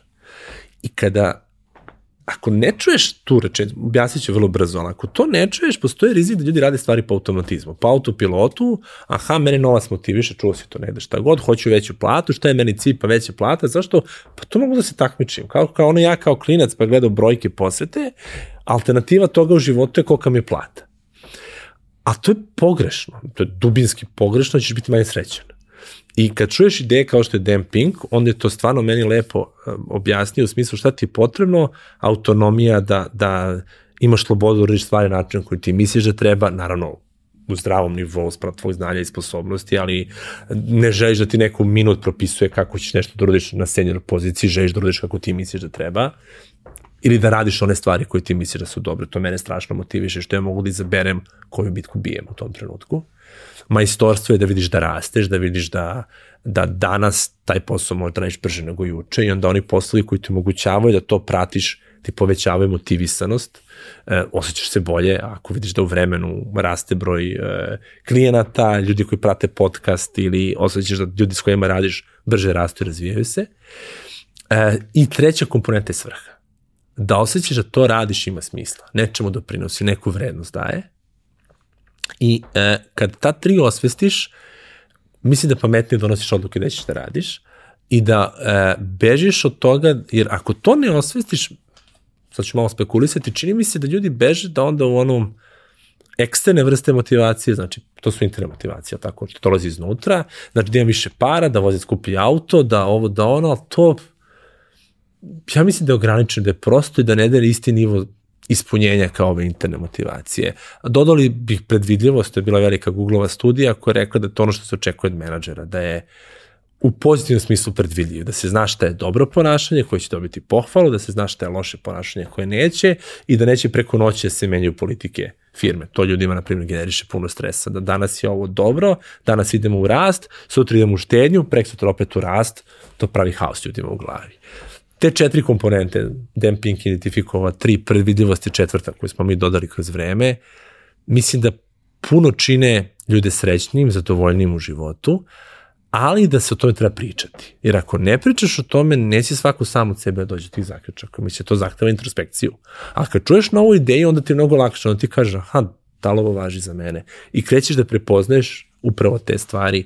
Da nije isto da radiš outsourcing, nebitan posao koji nemaš pojma šta je, ne znaš ko ti je klijent, pri čemu ja stvarno ne želim da pretriše ocanem outsourcing industriju, mislim da su oni jako značajni za stavljanje nas na mapu IT sveta, na, na rast ovaj, e, e, značaja naše ekonomije i privrede uopšte, ali najvrednije za mene što su oni uradili, što su velikom broju ljudi omogućili da pristojan život imaju ovde, a ne napolje. I to je, Slažem koji imaju taj, se, taj deo priče. I, I, I mislim da je jedna komponenta koju često ignorišemo u tom celom procesu zapravo što uh, su takve firme okruženja gde možeš da uh, u kratkom, relativno kratkom vremenskom periodu radiš dovoljno različitih stvari da te to Tako. prilično ono uh, osposobi i, i, i učini. E sad, činjenica je da vrlo često ti nećeš dovoljno duboko ući ni u jednu stvar i ostaćeš na, na nekom nivou koji je u realnim okolnostima poluupotrebljiv, ok, ovaj, i to su možda ono u toj tranziciji koja se sada dešava ljudi kojima je najteže, zato što oni nisu ni seniori, ni juniori, ne znaju šta su. E, i može se navikli na visoke plate koje je pitanje. To svakako. Dugo, da, I to je deo problema. Ovaj, bez... I ono, e, taj korak nazad koji se evidentno desi u svakoj toj ono samoregulaciji ne, neke situacije, to je nešto što nikome ne prija, ali je najveći problem, mislim, malo i mentalitetski, kulturološki ovde, što, znaš, ono, ljudi koji su radili za 500 eura, pa su otišli na 2000, sad kada odu na 1000 i po, oni misle da je to strašno, a ne sećaju se da je to tri puta više nego, nego što su imali ne tako davno. Ali okej, okay, mislim, Mislim da je ovo dobra prilika za nas i da sazremo kao društvo, a posebno kao industrija, zato što smo kroz godine pokazivali toliko nezrelosti u raznim situacijama. Jeste. I ima, znači, ovo je sad, mene više brine što se novom nastavljamo, ali veštačka inteligencija i ne znam kako će biti efekti toga i teško je predvidjeti, ali ako to zanemarimo, ne u smislu da se neće desiti, nego u smislu da nije lako spekulisati šta će biti. I kažemo, ajde ako bismo zanemarili AI, ovo bi moglo da bude jak i korisna stvar. I to nekoliko stvari. Znači, ova trka za, za talentom je dovela da kompanije koje nisu visoko profitabilne, Infosud je ok profitabilna firma, nama je bilo teško. Zamisli koliko je teško bilo osrednjim lancu prodavnica da nađe dobar tehnološki kadar da im uradi neke stvari. E, fabrikama nekim. Znači, pitanje... Ma, evo ti naj, najbanalnija stvar oko koje se stalno ono, e, zajednica ono, sprda na tu temu, kao, ne znam, e-uprava, e poreska. Da. A, a Mislim, Sad ko to već? da napravi? Mislim, e, uprava je štapom i kanapom, meni jedna od svetlih tačaka, ja sam upisao dete u vrtić, oba deteta ne izašavši, ne izašavši iz kuće. Mislim, Svi to kažu wow. da je vrtić zakon i je beba. I, I jednostavno to može se, ti, kako država plati te ljude? To je tek sezancija u državnim sistemima, vi imate ograničeni si platama, ti imamo pa do skora nam je premijer imao platu, ok, to pokazuje koliko smrdi sistem, ali formalnu platu 120.000 ili 130. Znači ti ne možeš na, na, na čisto da daš programeru mnogo iznad toga. Ja ne sumnjam da su i ministri imali alternativne metode da povećaju te prihode, u suprotno ne znam kako bi funkcionisali. Ali o, ostaviši to sa strane, znači država ima prilike da zaposli kvalitetnije ljude i i sazreći ljudi prilikom odabira da shvate da nije samo da li će sutra dobiti nešto veću platu, na to ima svoj rizik, da visoke plate i firme koje daju koje brzo zapošljavaju, daju brzo visoke plate, u prvim krizama imaju tendenciju pada. Znači, to je naš svestan izbor, da kad je super, ne dižemo istom brzinom kao, kao ostatak privrede, ali zato kad je loše, mi možemo nastavimo da zapošljavamo, a drugi ne mogu. E, međutim, ono što mislim da je našem tržištu potrebno, uh, kao sazrevanje i to sam ja od uvek doživljavao ne samo praktična stvar, nego kao ljudsku stvar, a to je da se proširi dijapazon outsourcinga, to mislim deo rešenja, znači da uđemo u produkt. Jer bi to omogućilo, neki to outsourcovan, ne mora, divno je da bude za, za naše firme, naravno to najviše e, novca donosi zemlji, ali čak i, i outsourcing produkta, postoje polako firme koje to rade, sad ću vidimo koliko će ih ova kriza usporiti, je izuzetan iz nekoliko razloga. E, prvi je što i ljudima koji ne žele da budu programeri pruža priliku da nađu visoko plaćen posao. I to ne sam, produkt može da bude svako s dobrom logikom i osjećaj za realnost, po meni. Vrlo Nije često to ljudi iz društvenih nauka. Tako je on mora da ima oći za brojeve. Znači, teško je, teže mu je jako da nema, ali može čovjek da završi društvene nauke, da, da razume brojeve, u krajnjoj liniji. B, neredko uz njih idu dizajneri, neredko u njih idu i do, dosta pratećih ovih poslova koji e, e, sada mogu da ne budu samo freelanceri preko ne znam čega pa rade za bilo koga, nego rade za konkretne klijenta jednog za početak, a sutra može sami za sebe i što je možda, znači, veći broj ljudi ima priliku pristup lepom životu, što mislim da je super stvar za društvo jer ja sve posmatram kroz onu prizmu. Znači, verovatnoća toga da ja ispunim svoj najsebični cilj, da budem deda sa unukom u Srbiji, ali tako, e, mnogo je veća ako u Srbiji postoji puno srećnih ljudi.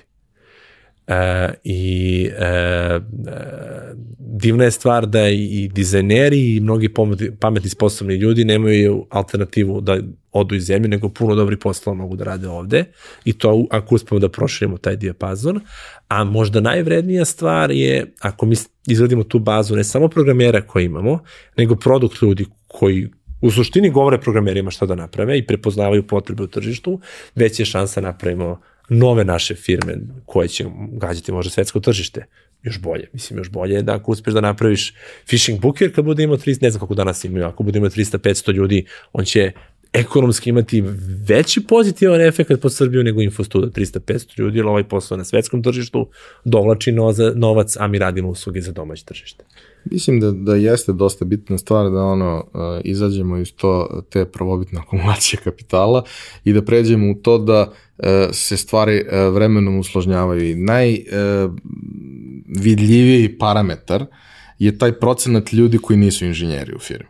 Da. Znaš, I način na koji su ti ljudi tretirani. Ja sam imao dosta puta ovaj, prilike da radim sa, kao konsultant sa, sa našim IT firmama i e, obično taj konsultantski posao nije inženjerski. Mislim, to meni jeste prirodno, ali ne radim ja to.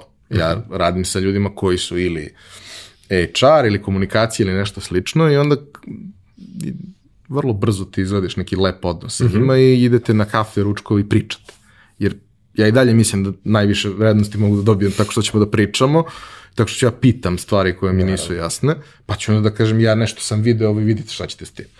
Ali e, taj moment gde ti shvatiš da ono, kada oni krenu da se otvaraju, da pričaju, da njih niko u filme ne voli, zato što su oni trošak. A kao, e. znaš, ono, firma ima 500 ljudi i ima 10 ljudi koji su, kao, brate, treba da vas bude 70, treba da vas bude 100. Je, sad opet, jedna od stvari, stvarno, koja mislim da razlikuje kompanije koje imaju svoj proizvod od, od takvih je što ti shvataš vredno svakog. Što je meni interesantno, desilo se igram slučaja uh, da sam se još davno zainteresovao za položaj žena na tržištu rada. Zainteresovan sam se, uh, počelo je kroz neke jako glupa zakonska rešenja, jedno od najglupih zakonskih rešenja, žena posle trećeg deteta ima dve godine plate od države, što je katastrofa za, za njenu karijeru, a ako se vrati ranije na PS posao ne dobio ništa od države. I tu sam stvarno i pokušavao i lobirao, imao sastanke da tipa ako se žena vrati na posao posle, šta ako hoće se vrati posle godinu dana. Znači ona bukvalno bira da ima istu platu sedi kući, istu platu da na posao, posle trećeg deteta. I da se bar deo novca daje ženi i dalje, čak i ako odluči Kao se bonus. na posao. Tako je, tako. Mislim, trivialno rešenje. Svi ima plusu, svi su u plusu, i poslodavac, i ta žena, i država. Manje para daje, ne znam krenuo da se zainteresujem uopšte generalno za, za, za položaj žena na tržištu rada, je tako da kažemo. Neke stvari su kod nas super, davno još smo radili neku komparativnu analizu sa drugim državama u grupaciju, gde smo videli, videli da su kod nas razlike u platama bile među najmanjim u Evropi, muškaraca i žena. E sad, raste naravno, zašto? Zato što su IT u mnogo više muškarci i to se vidi. Međutim, šta je meni interesantno? to zaista važi i kod nas u Infostudu, u Inspiri. Mnogo je više e, muškaraca nego žena u IT-u. Ali u svim ostalim sektorima, to je egal ako ne da žena ima više. I produkt, na primjer, je sektor koji je 50-50, nema, nema polne razlike. Kod nas men, više imamo top managementu žena nego muškaraca. Ovaj, i, I to je isto bio jedno kao, aha, bilo bi lepo da otvorimo i za, za veći broj žena da mogu da imaju uspešnu karijeru u tehnološkim stvarima, ali ako već vidimo da im super da pokušamo da žene budu programeri, ok, sjajno, ali očito to teško ide, ide ali teško, ali gledaj kako u produktu to, to se desi samo od sebe. Znači, ništa ne razmišljaš, ti zapošljavaš najbolj čoveka na intervju, to je tvoj jedini algoritam i gle 50-50. Tako da mi je to ono što sam ja shvatio, koliko će to da proširi bogatstvo i svest ljudi kad ti shvatiš koliko je značaj e, ljudi koji nisu samo koji su samo trošak. Pa prvo shvatiš da i oni koji razmišljaju o tome kako izgleda finalni proizvod, on prirodno nije trošak, pa neko ko će ti pomoći da bolje funkcionišeš kao tim, vada ćeš pre da shvatiš da, da, da to prirodno nije trošak nego zdrava uloga. A dok si monokultura, sve programeri, to ima svojih ozbiljnih minusa. E, imaš i taj moment što ono, uh, vrlo često se to zbog nezrelosti, menadžmenta i svega uh, svodi na to da kad neko dođe i četvrti put ove godine traži povećanje plate, ti mu kažeš ne može, zaposlili smo još da. I onda se naravno javi animozitet koji nema nikakve veze sa realnošću. Da, Ali, ok, ovaj, da sad ne ulazimo beskonačno u, u, u te teme, jer suštinski Uh, sve su to stvari koje sazrevanje tržišta reši. Uh, outsourcing kao model je vrlo jednostavan i vrlo profitabilan svuda ukoliko možeš da nabaviš dovoljno posla. To je ono, ako imaš sales, odnosno ne mora biti sales, ali ako imaš lidova dovoljno za tako mhm. -huh. nešto, ovaj, to ima smisla.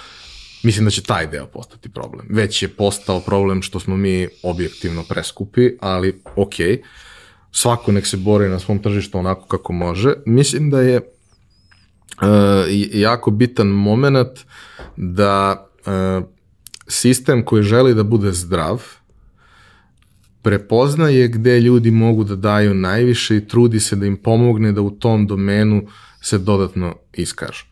Veliki problem inženjerskih firmi je što ti imaš briljantnog inženjera koji je užasan menadžer, ali njegov jedini način da napreduje je da postane menadžer. Niko neće biti zadovoljan time, prvi on. A da zapravo kada gledaš stvari sa strane, posebno ovaj, kada je u pitanju uh, product ili bilo šta što zahteva empatiju, uh, soft skills, uh, people skills, opet, je li u tom nekom smislu, da vrlo često su žene te koje mnogo bolje razumeju taj deo priče. Što ne znači da one to umeju da naprave, ali umeju da kažu šta treba da se napravi, što je u životu često bitnije od onoga da umeš da napraviš. I da treba da postoji ta neka sinergija i poverenje između ljudi, da je to ono što je ključno. Da kulturološki sebe dovedemo u fazu da se međusobno poštujemo i uvažavamo, a ne da se gledamo kao mnogo je ekstremno, ali jebi ga, viši, niži uh mhm. -huh. stalež, viši, niži oblik života, kako god. Znači, kao mi smo inženjeri, mi smo super. Dobro. A, to je posledica toga što si ti mnogo lako mogu da, mnogo lakše mogu da outsourcuješ IT inženjera nego management ili produkt. Danas se deša, kažem, ja sam optimista u smislu da povećava se outsourcing produkta, ja mislim da će dovede do nivelacije po mnogo nivoja, će inženjeri vidjeti nisu bogom dani, vidjet će neko koji je završio andragogiju, nije se prekvalifikovao IT, ali razvaljuje koliko razume tu problematiku i shvatit će njegov značaj. Jer ti odjednom, kad je tvoj zadatak napravi, definiši i napravi proizvod, a ne ispuni specifikacije, to sve menja. I ako je zdrava atmosfera i programer postaje deo toga i on će doprinese finalnom proizvodu, ali će kroz to mnogo više da ceni ovo komu dobija informacije sa strane i koji je zadužen da istraži i sazna šta je taj proizvod. Tako da, da, ja se nadam da će to da se desi. Mislim, to je moja stvarno, ja, ja bih voleo, ja sam imao neke razgovore da pokrenu neke vrstu studija produkta, da olakšamo ljudima, da ne budu 100% samouki. Šta mi imamo? Lead startup i ne znam koliko takvih knjiga imaš. Design, thinking i ne, ne znam šta još da pročitaš da te pojača u tom smeru, ali ajde da prokušamo da napravimo neke studije, neki kurs iz toga, da i su strašno deficitarni, ja to vidim. Ja vidim da neko ko je kod nas bio nedovoljno kvalitetan junior, pa ode dalje, pa se javi koliko je platu dobio, pa se ja krstim levom i desnom, a vidim da počinju da fale. I to je dobar put. Mislim, dobra stvar se dešava. Teoretski, koliko god se ja često sprdao na račun tog fakulteta, fon je jako dobra osnova za nešto tako. E sad, samo mislim da to možda treba još malo dotegnuti i malo pojačati kriterijume u smislu, znaš, to je jedan od onih fakulteta gde ako si ti tri godine bio dobar student na četvrtoj, neće niko ništa ti pita. Možda je baš bitno da tu četvrtu godinu ili taj master uradiš kako treba. Mislim, ima tu puno rešenja, stvarno. Ima, ima rešenja to, ja, ja sam, pokušavali smo i to i u subote, da će biti nešto od toga, da napravimo neki kratki program studija. I, ima onako i, i par stručnjaka, ja sam skoro upoznao jednog, baš mi se svidao kako radi, kako radi kao konsultant i pomogao i nama u sistemu. E, jednostavno ja verujem da to može bude sledeći korak a, rasp, jedan od evolucije razvoja znači našeg IT tržišta. I u tom smislu outsourcing je radio veliku stvar. Ja, ja stvarno ne želim da se to a, ne treba da se potisne i ne treba da se umanjuje značaj. On je stvorio akumulaciju kapitala. On je stvorio svest u društvu o značaju i vrednosti toga. Šta god mi pričali, društvo u kom je ideal biti inženjer je puno, puno, puno, puno, hiljada puta bolje nego što smo imali pre toga. Znači, to što su inženjeri možda malo previše u oblacima, da, nije bolje i opet ekstremo, ekstremo, tako? Ali će se to mnogo lakše rešiti da nego, što je mnogo bolje nego pevačice, baka prasad i ostali da nam budu idoli. Dajemo priliku da ljudi nemaju samo jedan sliku idola, nego ih hvala Bogu ima sad mnogo više različitih tipova. Šta, e, možemo to da kažemo i možda ovako, da nam je outsourcing očkolovo ljudi. Jer su oni morali da nauče kroz realne okolnosti, a ne kroz I doneo pare, teo. ja ne bi bežio to drugo. Ne, ne, naravno, naravno, ali i taj moment da. da je jedini način da imaš hiljadu fantastičnih inženjera, da imaš 20.000 inženjera. Tako. Ne, jednostavno ne može drugačije. ovaj, a sad naravno ima tu gomila nekih stvari koje su, koje su specifične i ja mislim da uh, to je davno jedan moj prijatelj, kad sam ja baš bio klinac, to mi je bilo super interesantno. Tad su bile one varijante da je, sankcije i sve ostalo i sad e, Čale i ja smo s vremena na vreme imali običaj da vikendom odemo na neki od buvljaka i da se tu šetamo i nekad kupimo nešto, uglavnom ništa, ali nekad kupimo nešto i bilo je gomila nekih ruskih igračaka. Sad, ruske igračke mogu da budu genijalne ali vrlo često, kao i gomila ruskih proizvoda, imaju neke probleme, malo nije baš ovako customer experience sjajan. I tad je jedan moj, moj kopšija izjavio tu jednu rečenicu koju ja pamtim ceo život. Kaže, Rusi, a sine, oni su uvek umeli da ga napravi da radi, znaš, ali onda mora neko da dođe da ga napravi da bude za ljude.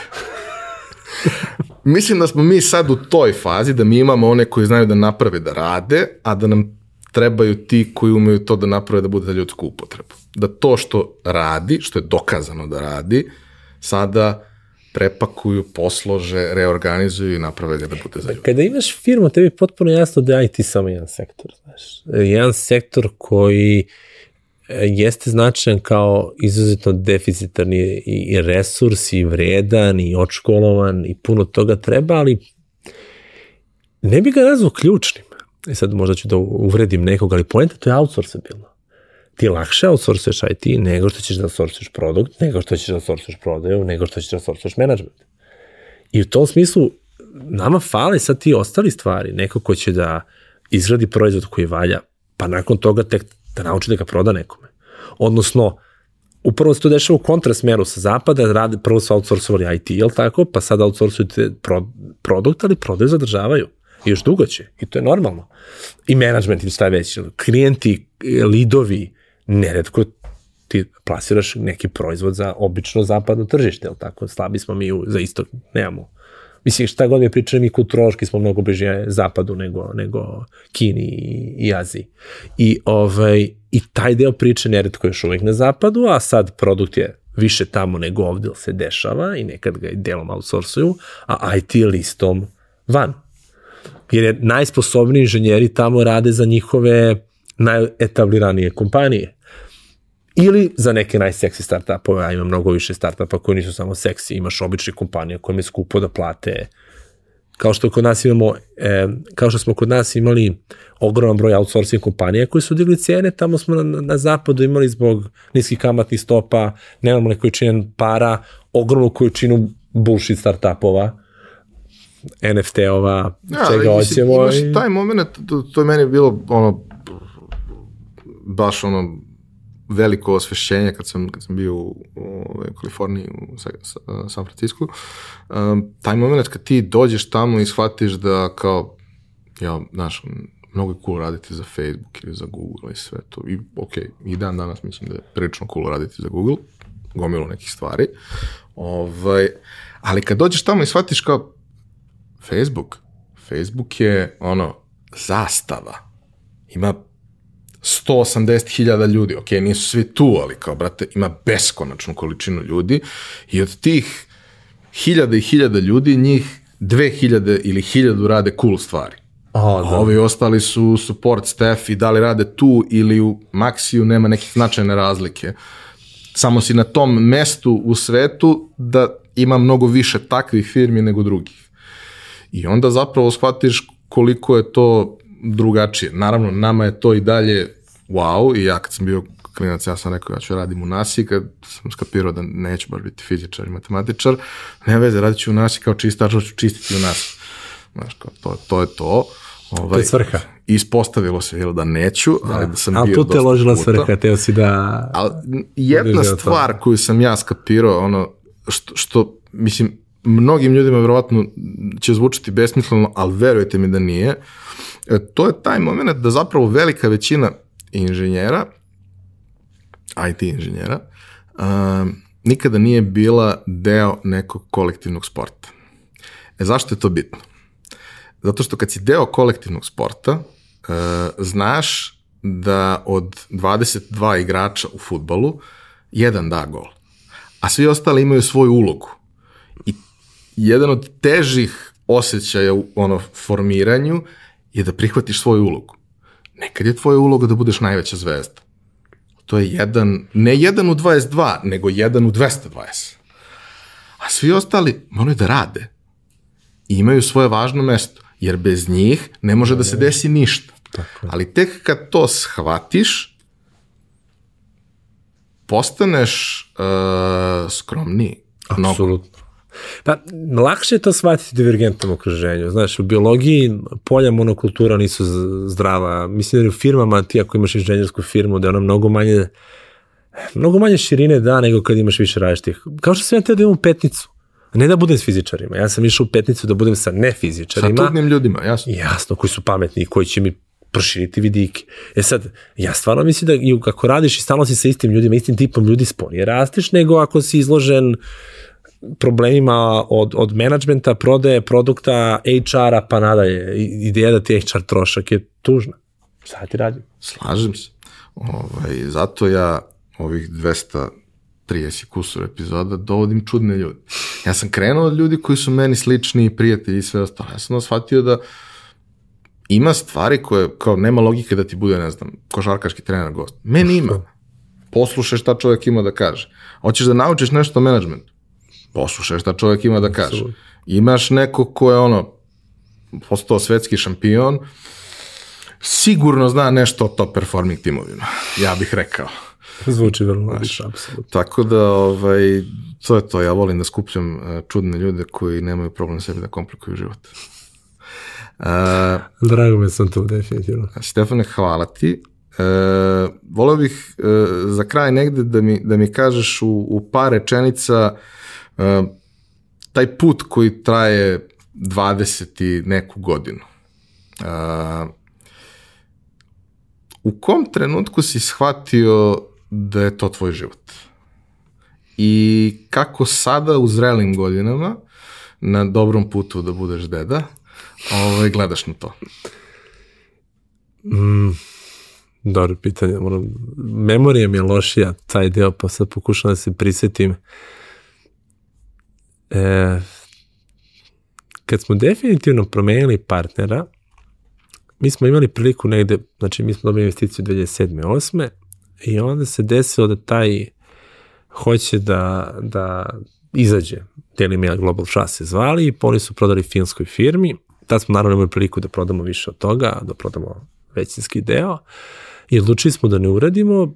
Da samo kažemo, vi ste prodali 25%, 25% da. i u tom trenutku kad smo pričali, bila je priča, ok, nam je potreba neki kapital za rast i za neke stvari koje hoćemo da uradimo, ovo nam je bila super varijanta, oni su bili zainteresovani, imali su slične biznise u nekim drugim zemljama i kao bilo je Tako dobar je. potencijal i za nam za učenje. Jeste, to je bila ideja da li će biti druga tranša. Neće, pričali smo, mi smo umeđu vremenu suštinski shvatili da ne želimo to, e, jer smo osjećali oni deo svrhe. Znači, kako ja više mogu da doprinesem nego vodeći digitalnu uspešnu kompaniju u Srbiji, šta mogu više toga da uradim? Mislim, meni, mene novac nikad nije samo kao novac motivisao, znači šta ako bi prodao? I tad sam ja otprilike sebi dosta postavio to pitanje i kad smo to završio taj deo priče, kad smo mi shvatili nema šanse da, znači kad su ti koji su nam bili partneri prebacili svoji 25% drugima, mi se to nismo pitali, mislim, mogli smo da otkupimo nazad, nismo te pare ni imali toliko keša, nismo zeleli, znamo prednost toga kad si deo grupe, a mislim da smo dobili najbolje doba sveta, znači većinski smo svoji, a deo smo grupe, znači ne može bolje po meni. Tad smo shvatili, ok, da ovo je ono što hoćemo, znači sad ponovo imamo priliku da prodamo za fine pare i ponovo kažemo ne, ok, zašto? Aj sad dublje saznaj zašto, pitaj sebe. I mm, meni je neko osjećaj, to je onaj deo filozofiranja koji sam imao kao klinac, i zahvalnosti, rekao, meni je ovo dato, ja mogu da mi se sam ja izgradio, jesam ja se cimao, radio, učestvovao, trudio, učestvovao, ali ko kaže da tu nema sreće, mislim, uvek ima i sreće, uvek ima nešto nije do tebe i mogu da bude mnogo gore. I taj osjećaj da mi jeste dato, jesam se ja i trudio, ali mi jeste i dato. I šta ću da uradim s tim? Dato mi je, ja želim da uradim najbolje što mogu. Nisam siguran da najbolje što mogu da prodati uzem pare. I onda prvo šta radim s tim parama, to je, to je, to je ono šta će mi, da krećem nov biznis. A onda šta radiš sa sobom? i šta radim sa sobom. I onda sam shvatio da ovo mi ispunjava mnogo više, da bio jedan period kad sam bio društveno mnogo aktivniji, pravo ti kaže, kada je Info Studio još čovjek članica inicijative Digitalna Srbija, bili smo osnivači, ali sam ja shvatio da mi se suzio malo fokus, malo sam se umorio od toga i naporno je menjati Srbiju. Ovaj, ovaj, pa sam se sklonio iz toga i dalje smo članica, ali više član upravnog odbora od skora. E, tako da tu sam negde shvatio da, da želim da uradim šta je do mene. Šta god mi se da prilika da je moje da pokucam na vrata, da probam neke stvari, nešto toga će prođe, nešto od toga neće i da se trudim da moj efekat u, u, u, u društvu bude pozitivan. Ono što mi je puno pomoglo, stvarno, to se ja šalim sa unucima, ali to je zaista, na, imali smo sastanak na DSI-u kad smo postavili tu priču šta su na motivi, neko od prilike to pomenuo to mi jako kliknulo da je to ono što mene motiviše i to mi je dalo verbalizaciju. E, kako god mi intuitivno nešto znamo, tek kad verbalizujemo, to nam daje jaku alatku. Meni su se neki pogled na stvari, na život, na, na, na politiku, na odnose promenili kad se ja shvatim šta je moj cilj. Da bi ja zaista volao da mi deca žive ovde. I da to i da iznad mnogih drugih stvari. Onda ti neke stvari u životu postanu jasnije i onda svoju ulogu u kompaniju vidim da mnogo više na tom cilju mogu da uradim kroz infosno nego nešto drugo. E sad, šta je bio sad da bi, kad sam to shvatio otprilike, tad sam da, shvatio? Kad sam to shvatio da je to za ceo život i kakav je to osjećaj? Ja ne gledam to ja se trudim da, da, da prihvatim dan po dan, da kažem tako. Nemam ja, mislim, delu mene će uvek faliti što nisam bio deo neke zdrave korporacije, pa da vidim kako izgleda taj raz, borba, neka vrsta spoljne ocene, ali ja nemam spoljnih ocena sem tržišta, a u predaleko sam da to osjećam. Znači, to je malo pipavo, ti si sam sebi glavni tužilac i odbrani sudija. Dobiješ ti povrat informacija, ali redko. Ima par ljudi koji može mi iskritikuje, ali to je opet, redko se mi viđamo da ja tu, znači dosta sam usam u tom smislu. E, falit će mi taj deo kad bi neko mene vodio pa da se ja trudim i borim. Znači da imam paralelne živote ili da imam reinkarnaciju, voleo bi ono, da, da, da to probam neki drugi put. A, taj deo. Ali u ovom ostalom osjećaj mi je da radim ono da treba da budem. Tako neki, neka vrsta mira, da se trudim da dam svoj maksimum i da me puno ispunjava što vidim da ljudi s kojima radim rastu, postaju uspešniji tome i nadam se bar delom postaju srećniji. I to je ono što meni daje mir i zadovoljstvo, rekao bih. Mislim da je to jako važno i da na tome treba da, da, da završimo, da taj moment kada e, jednostavno ne moraš da razmišljaš o tim ostalim stvarima, znači da, mo, da si prihvatio ovo sada i da onda možeš da se fokusiraš na to i da o svemu o čemu razmišljaš, razmišljaš na drugačiji način nego ako žuriš da stigneš jer ne znaš da ćeš imati priliku. Slažem To je se. mnogo lepo za neki zreli period u kome smo i ti i ja i kada jednostavno da li mi imamo znanje iskustvo da možemo da doprinesemo nekome ko možemo. Ali ja da se spaljujem mogu kad je nešto u što stvarno da. jako, jako, jako verujem. Kratak, kraći vremenski period. Ali mislim da mnogo više mogu da doprinesem nekome ko može da se spaljuje bez posledice jer ima 15 godina manje, a ja samo da mu pomognem da ne uradi nešto užasno glupo. Otprilike. znači, to je, to je to. Pustimo da stvari idu, recimo tako, imam, što sam stariji, lakše mi je pustiti da se stvari dese, pa da vidimo što će bude. Ajde tako da kažem. Stefane, hvala ti. Hvala ti što si bio gost, što si podelio ovo. Hvala što radite te jako cool stvari, jer jednostavno e, ne možeš da živiš u Srbiji, a da nisi aktivan korisnik nekog od servisa ili da makar stalno listaš polovne automobile zato što voliš, jeli? Jer to je ono ritual. Jasno. Ovaj, tako da e, radite sjajne stvari, rekao sam to Banetu mnogo puta kad, se, kad smo se čuli i videli, reći ću to i ovde zato što mislim da je jako važno. E, imaš firmu koja ima 300 ljudi u Srbiji, od kojih ja znam mnogo njih i ne znam jednog kretena, a to je jako redko.